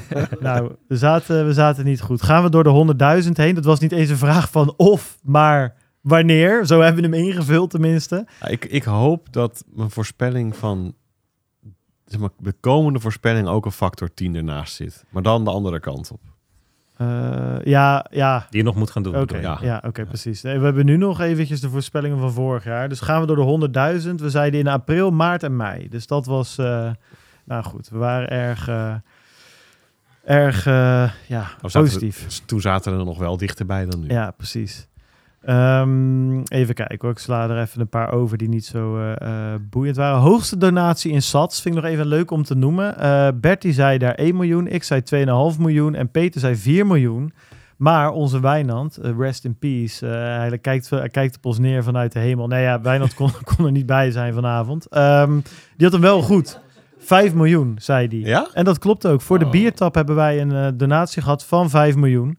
Eh Satoshi's. Ehm, we weten niet van wie, maar dat, eh, ja, die, die, right on the money. Ja, nice. Dus eh, dat, is, dat is nice. Komt Jam eindelijk van de grond? Ik zei ja, jullie zeiden nee. Ehm, jullie hebben gelijk gekregen. We hebben wel CBDC's gekregen, inderdaad, is erbij geschreven. Dus dat, dat klopt. Ehm, komt er een live show in Tivoli? Zeiden we allemaal ja. Nou, dat klopte ook. Dus dat was ook, ook mooi. Ja, de rente ECB, december 2022 heb ik hier. Ja, die, dat, dat zaten natuurlijk ook allemaal heel smerig naast. Ja, daar, daar zei eh, Bert min een half. Ik zei plus 0,25.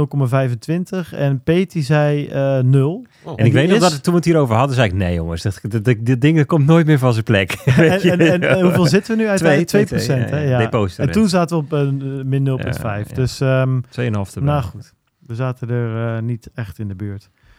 Even kijken hoor. Eh, aantal Bitcoin in Lightning, ook wel een leuke.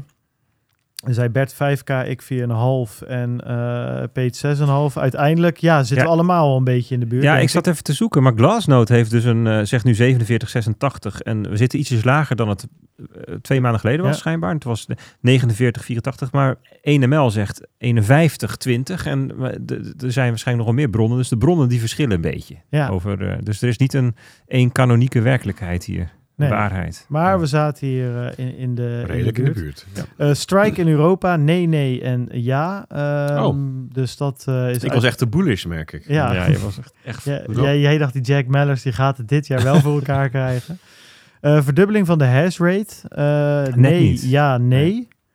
Ehm, net niet. 101, 100 was 173 extra hash per seconde en het is op zijn top 265 ja, geweest. precies. Dan gaan we meer Iets va- eronder, 60, eh, ja. 60 procent. Bert een column in het FD. Ja, Ja, ik had het echt verwacht. maar, maar ik denk dit Kijk, wat jullie niet weten, het is tijd voor een onthulling. Ik schrijf daar onder het pseudoniem Joost van Kuppenveld. ja, precies. ik vind wel een vaste rubriek in de CryptoCast. Mogen dat is een column FD Ja. Media Groep een beetje... Nee, nee, ik vind niet. nee, nee, dat is echt... Nee, dat dacht ik al. Nou goed.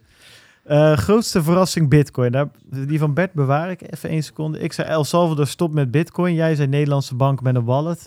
Net ernaast een, allebei. een, een Nederlandse bank, hè? ja, precies. Ja, de Nederlandse bank. Met Ja, ja. dat was wel... Nou, die, als we ook hem in op die manier spinnen. En El Bank met wallet zie ik hier. Dat zou kunnen. Ja. Bert die zei omvallen grote exchange door fractioneel bankieren. Oké, oké.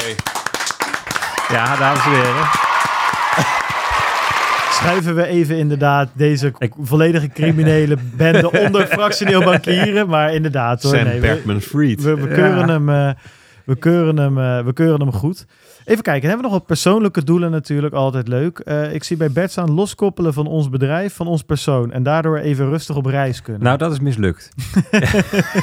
dat is maar ben, je bent wel op reis. Ja, dat klopt. Maar, Dat niet even, maar niet even rustig. Nee, maar wel een hele mooie Het richting was een de... schitterende ja, reis. Ja, En we hebben het er gisteren even over gehad... dat we misschien volgend jaar wel weer naar eh, het noorden willen. Ja, ik Noord- kan me voorstellen. ja. Maar heb je jezelf niet los kunnen koppelen van het bedrijf? Nee, kijk, nee, nee, nee. Ik denk dat ehm, eh, wat wij doen, dat, dat zijn gewoon Peter en Bert. Dan kan je En het niet- naampje aan hangen wat je wil. ja, dat, oké, eh, ja, maar dat ja. is gewoon wel de praktijk Ja. nog. En dat is misschien ook gewoon wat het is. Misschien is dat ook wel prima. Ja, misschien is dat de realisatie wel. Jij zei, Peet, onze eh, projecten, dus is het SR, Alpha, lekker cryptisch, schaalbaar maken. Nou, je hebt zoveel in de auto gezeten dit jaar dat ik afvraag of dat... eh, Ja, maar dat, ik, ik denk dat het een beetje hetzelfde Hetzelfde, bedoelde, eerlijk gezegd. Maar met Bitcoin Alpha natuurlijk wel weer... eh, Ja, maar daar merk ik ook, we zijn daar wel met, ik denk Bitcoin Alpha, echt heel vet, 2023. Dat is denk ik het belangrijkste thema van, eh, nee, maar, maar ook daar merk je wel dat uiteindelijk gewoon, ehm, dus het schrijven wel gewoon door ons moet gebeuren. Ja. Weet je, dat is, ik had hier staan eigen baas en gezonde balans. Nou, ik, ik zat, toen ik dit nu las, zeg maar, midden in de bear market, dacht ik dat ik direct bedoelde gewoon mijn jaarrekening. ik denk dat ik daar toen mee bedoelde van eh, iets van eh, een soort van... eh, ja, ook een beetje sporten of zo. Ik weet het niet. Dat is wel gelukt trouwens, laatste, Ja, laatste half jaar. of balans tussen werken en Ja, ontspannen, precies. Een beetje ja. dat soort dingen. Nou, ik moet zeggen, het is op zich aardig geluk. Ik heb er wel een beetje op gekeken. Op het eh, niet, niet eigen baas zijn, maar wel, ja... Het eh, niet van niet collega's hebben, hè? ja, was- dat was wel echt een, eh, even een dingetje dat je toch wel, ja, het- je zit hier, je hebt wel heel veel mensen natuurlijk altijd online en whatever, mensen die je spreekt, maar je zit hier toch door de week vaak in je eentje een beetje, ja, wat te doen eigenlijk, een beetje op zoek te gaan naar dingen die je kan doen, die je leuk vindt, die wat, je bent heel veel aan het proberen natuurlijk. Ehm, dus daar heb ik wel weer mijn draai in gevonden, maar dat heeft wel iets, eh, iets meer impact gehad dan dat ik eh, verwacht eh, had. Ehm, laten we, ik heb een paar dingen even bold gemaakt, jongens, voor de voorspellingen. Hoeven ze niet allemaal te doen, want dat, dat ga ik Peet, ga, ga ik je niet aandoen, jongen. Ik, ik, ik, heb, ik heb er wa- wat jij wilde. Ik ben Ah, helemaal met je meegegaan. ah, top. Ehm, prijs op 31,12. ehm 23 ja, volgend dus jaar. volgend jaar. Ik zet hem nu even. We zitten nu op 16,6 hè? Ja. Eventjes. ehm. En nu gaan we natuurlijk weer ultra bearish. eh. Daarom zei ik al, want ik hoop dat ik hem nu ja, tien precies. keer Nee, ja, eh, precies, met precies, dezelfde precies, factor, maar dan onderschat. Schrijf voor mij maar eh 35.000 op. Ja. Ja, Bart? Ik, ik ga ehm 23,5. Het is Echt zo'n karig, Zo. ja, echt zo'n karig kutjaar wordt het. Goh. Ja, ik maak hem gewoon. Goh, ik denk eh 42.000. En we hebben hier ook de wisdom of the crowd, eh, jongens. 36. 34. Ja, ja dat, dit, jij, Hilbers, jij zei dat het een geniaal idee was, Ja, maar ik- nu heb ik drie antwoorden. Ja, dan moet je dus het gemiddelde nemen. Ja, dag. Ja, Dan gaan- zijn we eh, over drie uur nog bezig. 29, 29, 28. 28. Oké, nou, dat... eh, Oké, goed. Yearly low. Ja, ik ga toch dat we nog even... eh, Ik zeg dat het gewoon echt een saai jaar wordt. Dus ik denk yearly low Is 16.600? Is, is, hebben we die al gehad? Of komt die nog? Nou, dat, 15,9. Oké. Ja. Peet? ehm, ik denk ehm 13.195. Ik denk 14.400. Yearly low, eh, jongens. 9,5 eh, denken wij. 9,5. Ah, dit is top. Ja, dit is, eh, de, het collectief is bearish, jongens. Goeie grutte. Goed. De grootste verrassing voor Bitcoin. Bart. Ehm, ja, dit was er eentje die we inderdaad even... ehm, grootste, als het eh, publiek er eentje weet, mag ook eh, eh, geroepen worden. Jullie hebben Mike inmiddels, dus... ehm, verrassing in welke zin? Ja, gewoon de grootste verrassing. Ja, FTX was de grootste verrassing dit jaar eh, geweest, eh, eh, denk Een ik. zoon. De grootste verrassing voor Bitcoin. Ik, heb- daar heb ik geen antwoord op. Ja, Ik denk ik, een bank geen die idee. custodian gaat zijn. Ja, we- eh, eh, eh, wij Ja. denken een bank die custodian gaat worden. Nederlandse bank. Een bank. Ja, die Dat- hadden we elk Ja, jaar er is al een Dat- bank dat die custodian is. Die is al heel Een lang. Nederlandse in bank. Nederland, een Nederlandse bank. Ja, deze hadden we er elk jaar in. Gaat een bank een Bitcoin wallet eh, aanbieden? Ik denk dat er. ehm, eh, ik ga voor. eh, ja, shit. Hebben ook al, we hebben al zoveel vette dingen gehad met Lightning natuurlijk. Ehm, ik, ik denk dat Jack Dorsey iemand in Nederland echt een gortige grant gaat geven. ja, dat is niet echt. Short soort- of Oost. Ja, Jongen, maak je- serieus, bijvoorbeeld. Neem je telefoon op, Ik denk kan dat- namelijk Jack Dorsey. Ik denk dat Jack Dorsey echt wat SBF beloofd had met zijn filantropische gekkigheid, dat Jack Dorsey dat even eh, gaat doen. Die gaat zijn miljarden eh, verdelen. Een groot techbedrijf ehm, integreert Bitcoin. Lightning. Stijn, kan je die eh Mike ik. even mute En- als die... eh, En ik denk eh, misschien nog specifieker. Apple of Google komt of in, in eh, iOS of in Android met geïntegreerde crypto wallet. ja, dat zou in Apple Pay. Maak hem... Maak, ja, app is nog een ander soort dingetje. pro- ding, Maar goed, ja, zoiets. Ja, Ja, oké. ja. Strike in Europe, wil je die weer doen? ja, we gaan het weer doen. Nou, joh, op- Ik zeg nog steeds niet.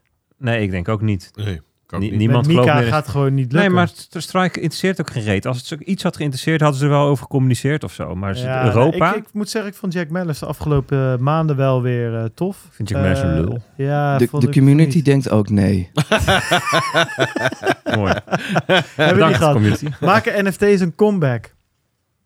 Zijn ze weg dan? Ja, vind ik wel. Het volume is compleet weg. Ja, maar Ik, dat valt dus mee. Nee, valt niet. Maar de, de- bijvoorbeeld de floor price van al die dingen, die is veel minder geza- gezakt dan... ehm Ik denk nee, maar ik vind deze vraag ook eigenlijk niet zo leuk. Dus laten nee, ik ook niet. Ik vind hem ook stom. Community Maar- denkt maar- ook nee, hè? Oké, Nee, maar hij is, ja. hij, hij, hij- hij is weg, de vraag. Hij is er niet meer. Oké. Hoe lang gaat SBF de bak in? Ja, ik denk 14 jaar. Bart, 14 jaar. Community, 35. Ik denk een jaar volgend jaar. 20. 1 jaar. Dan moet hij op 1 januari in de bak Peet, zitten. weet jij het al? Nee. Ik, Ik denk dat hij niet de bak in gaat. ja, misschien, misschien komt er wel gewoon een hele vieze, funzige deal uit of zo. Ja. Dat denk ik. Gaat niet de bak in. Die jongen die blijft Oké, gewoon... Peter zegt een deal. En wat zegt de community? Nee, ik, Oh, ik, Peter zegt nog niks. Van 14. Heel veel verdeeldheid. Ja, heel veel verdeeldheid. Ehm, wat is Ja, maar-? 14. Ja, ook Ja, dat, dat is Bart flauw. ook. Dat Dat, Oh, kan zei niet. iemand dat al, Bart? Ja. Ik ga- 69. 69. oh, wat een Ja, stelletje hij lampjes. krijgt, eh, hij krijgt eh, 25 jaar. 25 jaar. Oké, waar gaat in 2023 het grootste drama om, omheen ontstaan? Binance? Oh, dat was de community. Binance. We pakken Binance even, Tom. Ja. Ehm, Het grootste drama. Dus dat is iets negatiefs. Iets, iets ellendigs. ik denk rondom Lightning. Ik weet niet. Dan gaat ook gewoon even iets, eh, eh, iets kapot. Iets, iets Maar de er zit- bliksem slaat in. Ja, maar zet er ook bij dat het niet, dra niet genoeg drama wordt omdat er te weinig geld in zit. Dus er kan niet echt eh, drama om, om, om ontstaan. Ehm, grootste drama. Mm, grayscale. Peet, heb je nog een drama? Sha- Shakespeare. grootste drama. Eh, Michael Saylor. Sailor. Oké. Ja, dat vind ik ook wel een goeie hoor. Dat denk ik nou. Heel goed. hadden wij ook al. Nee hoor, jullie hadden Binance gezegd. Dan moet je maar beter tot consensus komen. ja, precies. Ehm, volgende vraag. Haalt Binance de kerst? Ja. Ja. Ja, maar Bitfavo niet. Nou, ja, en Bitfavo niet? Oh. Ja, dat is de tweede keer dat hij maakt. Maar nu zo hard dat hij wel eh, even op tape staat. Dus Ja. dat is... eh, Haalt Binance de kerst? Iedereen zegt ja? ja, ik zeg ja. ja. Oké. Nou, dan... eh, ja, Simon Lelyveld niet namelijk, denk ik. Want die is, die is al een week op Twitter op Binance aan het flamen. Ja. Maar het wordt niet fraai, zeg ik er even bij. Eh, een- aantal noodzaakvideo's, die, we- daar wil jij denk ik wat over zeggen. Nou, ik, eh, ik ben benieuwd. Ja, jij hebt een bold gemaakt, denk ik. ik, ik, hoeveel weken zitten er in een jaar? 52, normaal gesproken. Ja, zullen we het er gewoon... Ja, ik, ik, ik, ik ga... Ik ga community denkt Nee, nul. het is- nee, Ja, ik. Tien stuks. ik zes dan, gemiddeld. Zes. Ja, dat moet haalbaar zijn. Kan Biton ik dat wel betalen? Weet. Jawel. Pff, nee joh, dit worden er 12. Kom op. Ja, ja, ik tien dan. Ik denk ook, want Ba- eh, het punt is namelijk en de reden. Hij moet toch een keer iets gaan doen, weet Nee, je? Dan reden- komt hij op stoom. De reden is dat hij, ehm, dat hij dan Bitcoin Alpha was zo'n ongelooflijk succes dat hij gewoon domweg de tijd niet meer heeft. Ja, precies. Welke Bitcoiner valt van zijn Ja, sokkel? daar had ik dus inderdaad Sailor. Ik denk dat hij dit jaar... Ja, Hmm. Maar die staat dus ook nog op een sokkel. ja vind ik wel. Hij is er nog niet echt af. Nee, Vind oké. ik. Hmm. Najib Bukele Ja, die heeft er voor mij nooit echt opgestaan. heeft nooit op een sokkel gestaan. Oké, dus jouw sokkel is de, wel, wel kritische sokkel heb je. Ja, nee, maar ik vind dat Sailor is nog steeds wel... eh, ja, bij, bij Bukele was er vanaf het begin af aan meer kritiek. En bij Sailor vond ik wel dat iedereen zoiets had van... Ah, wel op zich wel oké. Wel- welke, welke bitcoiners staan op sokkels? Ja, dat zit ik me ook af te vragen. Ik moet eerlijk zeggen, ik heb meer met de mensen die, al- die door de bitcoiners van een sokkel afgetiefd zijn dan met bitcoiners die op sokkels zouden staan. Of zo, ik vind het... Ik, ik, ik, eh, Ja, misschien nog een developer of zo. Of eh, Marty Band, met Ordel, weet Marty ik veel. Bent, ja, die staat... Pieter ja, McCormack. eh, dat is- Pieter McCormick is al half gecanceld. ja, omdat dat eh, wel zwaar. Omdat hij... ik weet niet wat hij, wat hij verkeerd gedaan had. Maar ik weet het niet zo goed. Adam komt niet meer back. Ehm, Adam Backspace. Oké, eh, community. Hebben jullie nog een sokkel eh, met bitcoiners die er vanaf gaan? 17. Oké. 17, Ja. hele goeie. Dat Ja. staat bij mij echt niet op een... Winkelvosjes. Ja, welke wordt het? Dit is een moeilijke gemiddelde. 17. Eh, 17. Het gemiddelde. Oké, gaan we door. Ehm, Misschien kom ik er nog op terug. Dan het, het grootste fut-onderwerp eh, rondom bitcoin. Oh, ja, dat is een goeie. Misschien toch Tether? Tether. Dat doet altijd wel goed. Ja, ik denk... eh, eh, Ik denk witwassen. ja, ik denk toch het klimaat. De vetrente op één... Wat is de vetrente nu? eh, Die is... of ECB-rente, welke pakken we? ECB denk ik dan, hè? dat is wel leuker. Ja, wel de vetrente heeft meer impact op bitcoin. hè? Vetrente, pakken we vetrente. Vet. Wat, waar staat hij nu op? 4,5. Ik denk... Even voor de record, hè, de Fed zelf denkt 4 5,25. Ik denk drie. Oké. Hey, ik zat er vorig jaar dichtst bij, hè, met mijn 0,25 Nee, daarom, daarom weten we ook dat deze voorspellingen nul waarde hebben. Tuurlijk, maar dat is de lol toch ervan. Ehm, ja, weet ik. De community nog een eh, gokje? 8, Nee, ja, iets lager. 7. Het gemiddelde 6, denk ik. Ja, precies. Ik ga voor eh 5,5. 5,5. Dus, ho- dus hoger dan het vet zelf. Dat is eh, met wel echt de havik van de avond, jij. ik, ehm, ik denk ehm, dat ze dan net zijn begonnen met, eh, met het kutten van de rates. Dus van 4,5 naar twee halfjes eraf, 4 procent. Zie je, daar gaan we. Eh, ja, dan hebben we de SEC wordt toezichthouder van 99% van de crypto assets die ook een security worden. Ja. Ik zeg nee. Ja, ja, ja. Ja. Ja, Ik zeg... ehm, ik denk het wel. Ja, ik denk dat ze nog niet uit zijn. hey, dat is het. Ik denk dat dit gaat gebeuren. Maar ik weet niet of het in 2023 is. Hmm, Dus doe maar gewoon een ja, omdat anders overal nee Ja, staat. precies. Ja, joh. De community zegt, Ik heb helemaal niet op zitten moi, zeggen die. Met- We denken dat Peter het gelijk heeft. Ja. Dus we gaan mee met Peter. Oké, eh, We gaan mee. dan hebben we als laatste om af te sluiten het persoonlijke doel voor 2022. 23, denk ik. 23 inderdaad. Ja, nieuwe vakantie, toch? Ja. Wat zijn onze persoonlijke doelen? Nou, ik iets, zie- iets, iets gortigs mooi maken van Bitcoin Alpha. Ja, ik zie ook, ik heb hier, ja, Het is niet echt persoonlijk natuurlijk. Ja, ook Nou. wel. Meer zakelijk doel. Dus op zich... Ja, maar dat valt bij elkaar een beetje... ja, dat loopt wel beetje- redelijk in elkaar over, toch Ja. altijd. Eh, ik heb ook, ja, dan ga ik een andere doen. Pak ik die daadwerkelijk die 52 video's maken. Ja, ik hoef niet per se meer, meer of zo. Ik, ik, ik heb eigenlijk een heel leuk jaar ook achter de rug. Ja, nee, Ja, dat, dat, is het, dat is het ook wel een beetje. Jij maar. wat, eh, Bert? Er zijn wel wensen die ik heb, maar dat zijn niet echt mijn doelen. Ik kan niet bijvoorbeeld als doel hebben dat, eh, eh, dat we de Nederlandse cryptobedrijven het goed doen of zo. Weet je, dat hoop ik gewoon dat het in Nederland, dat het hier niet Ja. veel slachtoffers vallen of zo. Maar dat is niet mijn doel.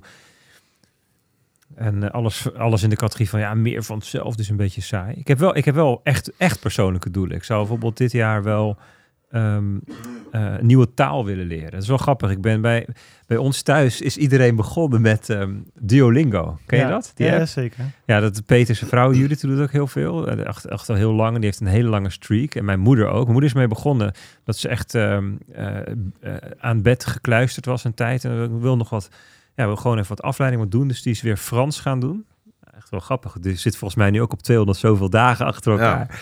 En eh, wat doet Judith ook alweer? Doet het Portugees. Hè? Ja. Nou, is mijn kinderen die zeiden, oh, dat was leuk. Tim die was dan begonnen ehm, met Frans. Eh, hij zit in groep 8 en Engels krijgt hij op school. Ga ik Frans doen. En eh, Bastiaan, de jongste, die doet Engels. Die krijgt Mhm. hij wel een Hij zit in groep 5, maar die zou het wel beter willen kunnen. En Daan, die zit op de middelbare school, eerste klas. En die is Spaans gaan doen in het Engels.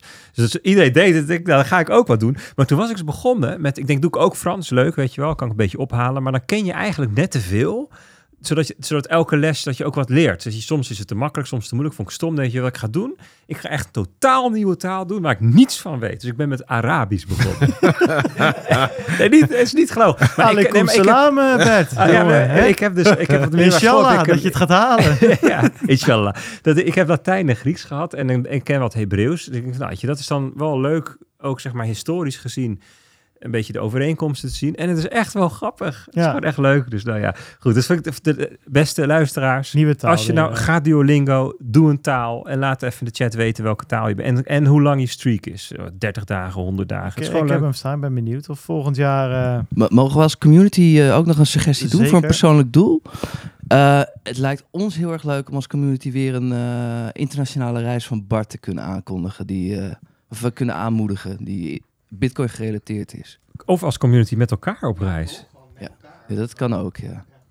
Een soort groepsreis. nou, dat georganiseerd. doel Met zo'n bus, iedereen aan het als reisleider. Nou, als we dat weer met een groep gaan doen, dan eh, moet Jan mee.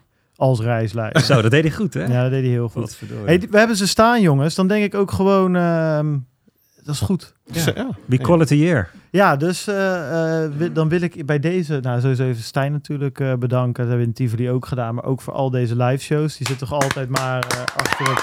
ja, ja.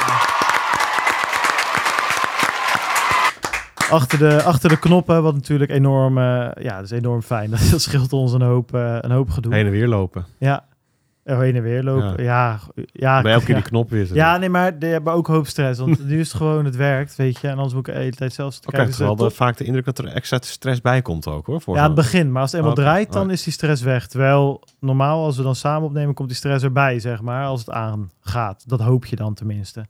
Ehm, en alle luisteraars natuurlijk. Eh, van harte dank weer voor echt, eh, echt nou ja, uiteindelijk toch wel gewoon een leuk jaar, denk ik. Ik ben het met Peet eens. Een hoop leuke dingen gedaan. Bitcoin Amsterdam was tof. Tivoli was heel erg gaaf. En alle dingen die we samen hebben gedaan was, was echt leuk. Ehm, volgende week zijn we er gewoon weer. Dus we gaan gewoon weer lekker Ja, door in het klinkt in het alsof, alsof er een jaar te wachten staat van een maand. Nee, helemaal niet. Nee, we hebben nog nooit een week gemist. Dus dat gaat ook nu niet gebeuren. We gaan ehm, op weg naar aflevering 250. En het vijfjarig jubileum eh, aankomend jaar. Dat is toch wel, eh, wel heel erg leuk. Dus eh, wie weet moeten we daar wat leuks voor organiseren. Gaan we allemaal in het nieuwe jaar zien. We gaan eerst oud en nieuw vieren. Net als jullie. Ik hoop als je niet in Rotterdam of Amsterdam woont. Of een van de andere drie gemeentes volgens mij. Dat je dan al je vingers nog houdt. En oren en ogen. Dus let een beetje op jezelf. En ehm, ja, dan hopen jullie graag terug te zien in het nieuwe jaar, toch? Ja, Wat zeg je dan? jaar. Gelukkig nieuwjaar? Of was Ja, in het Arabisch? Alvast, hè? Ja, Hoe, eh, alvast. Dat weet ik dus nog niet. Ook nee, dat, ik, ik ben eh, ook gewoon inshallah. In, ja. nog letters aan het leren. dat weet ik niet, joh. Nou jongens, veel plezier met oud en nieuw en we zien jullie volgende week. Yo, Later, doei. adios.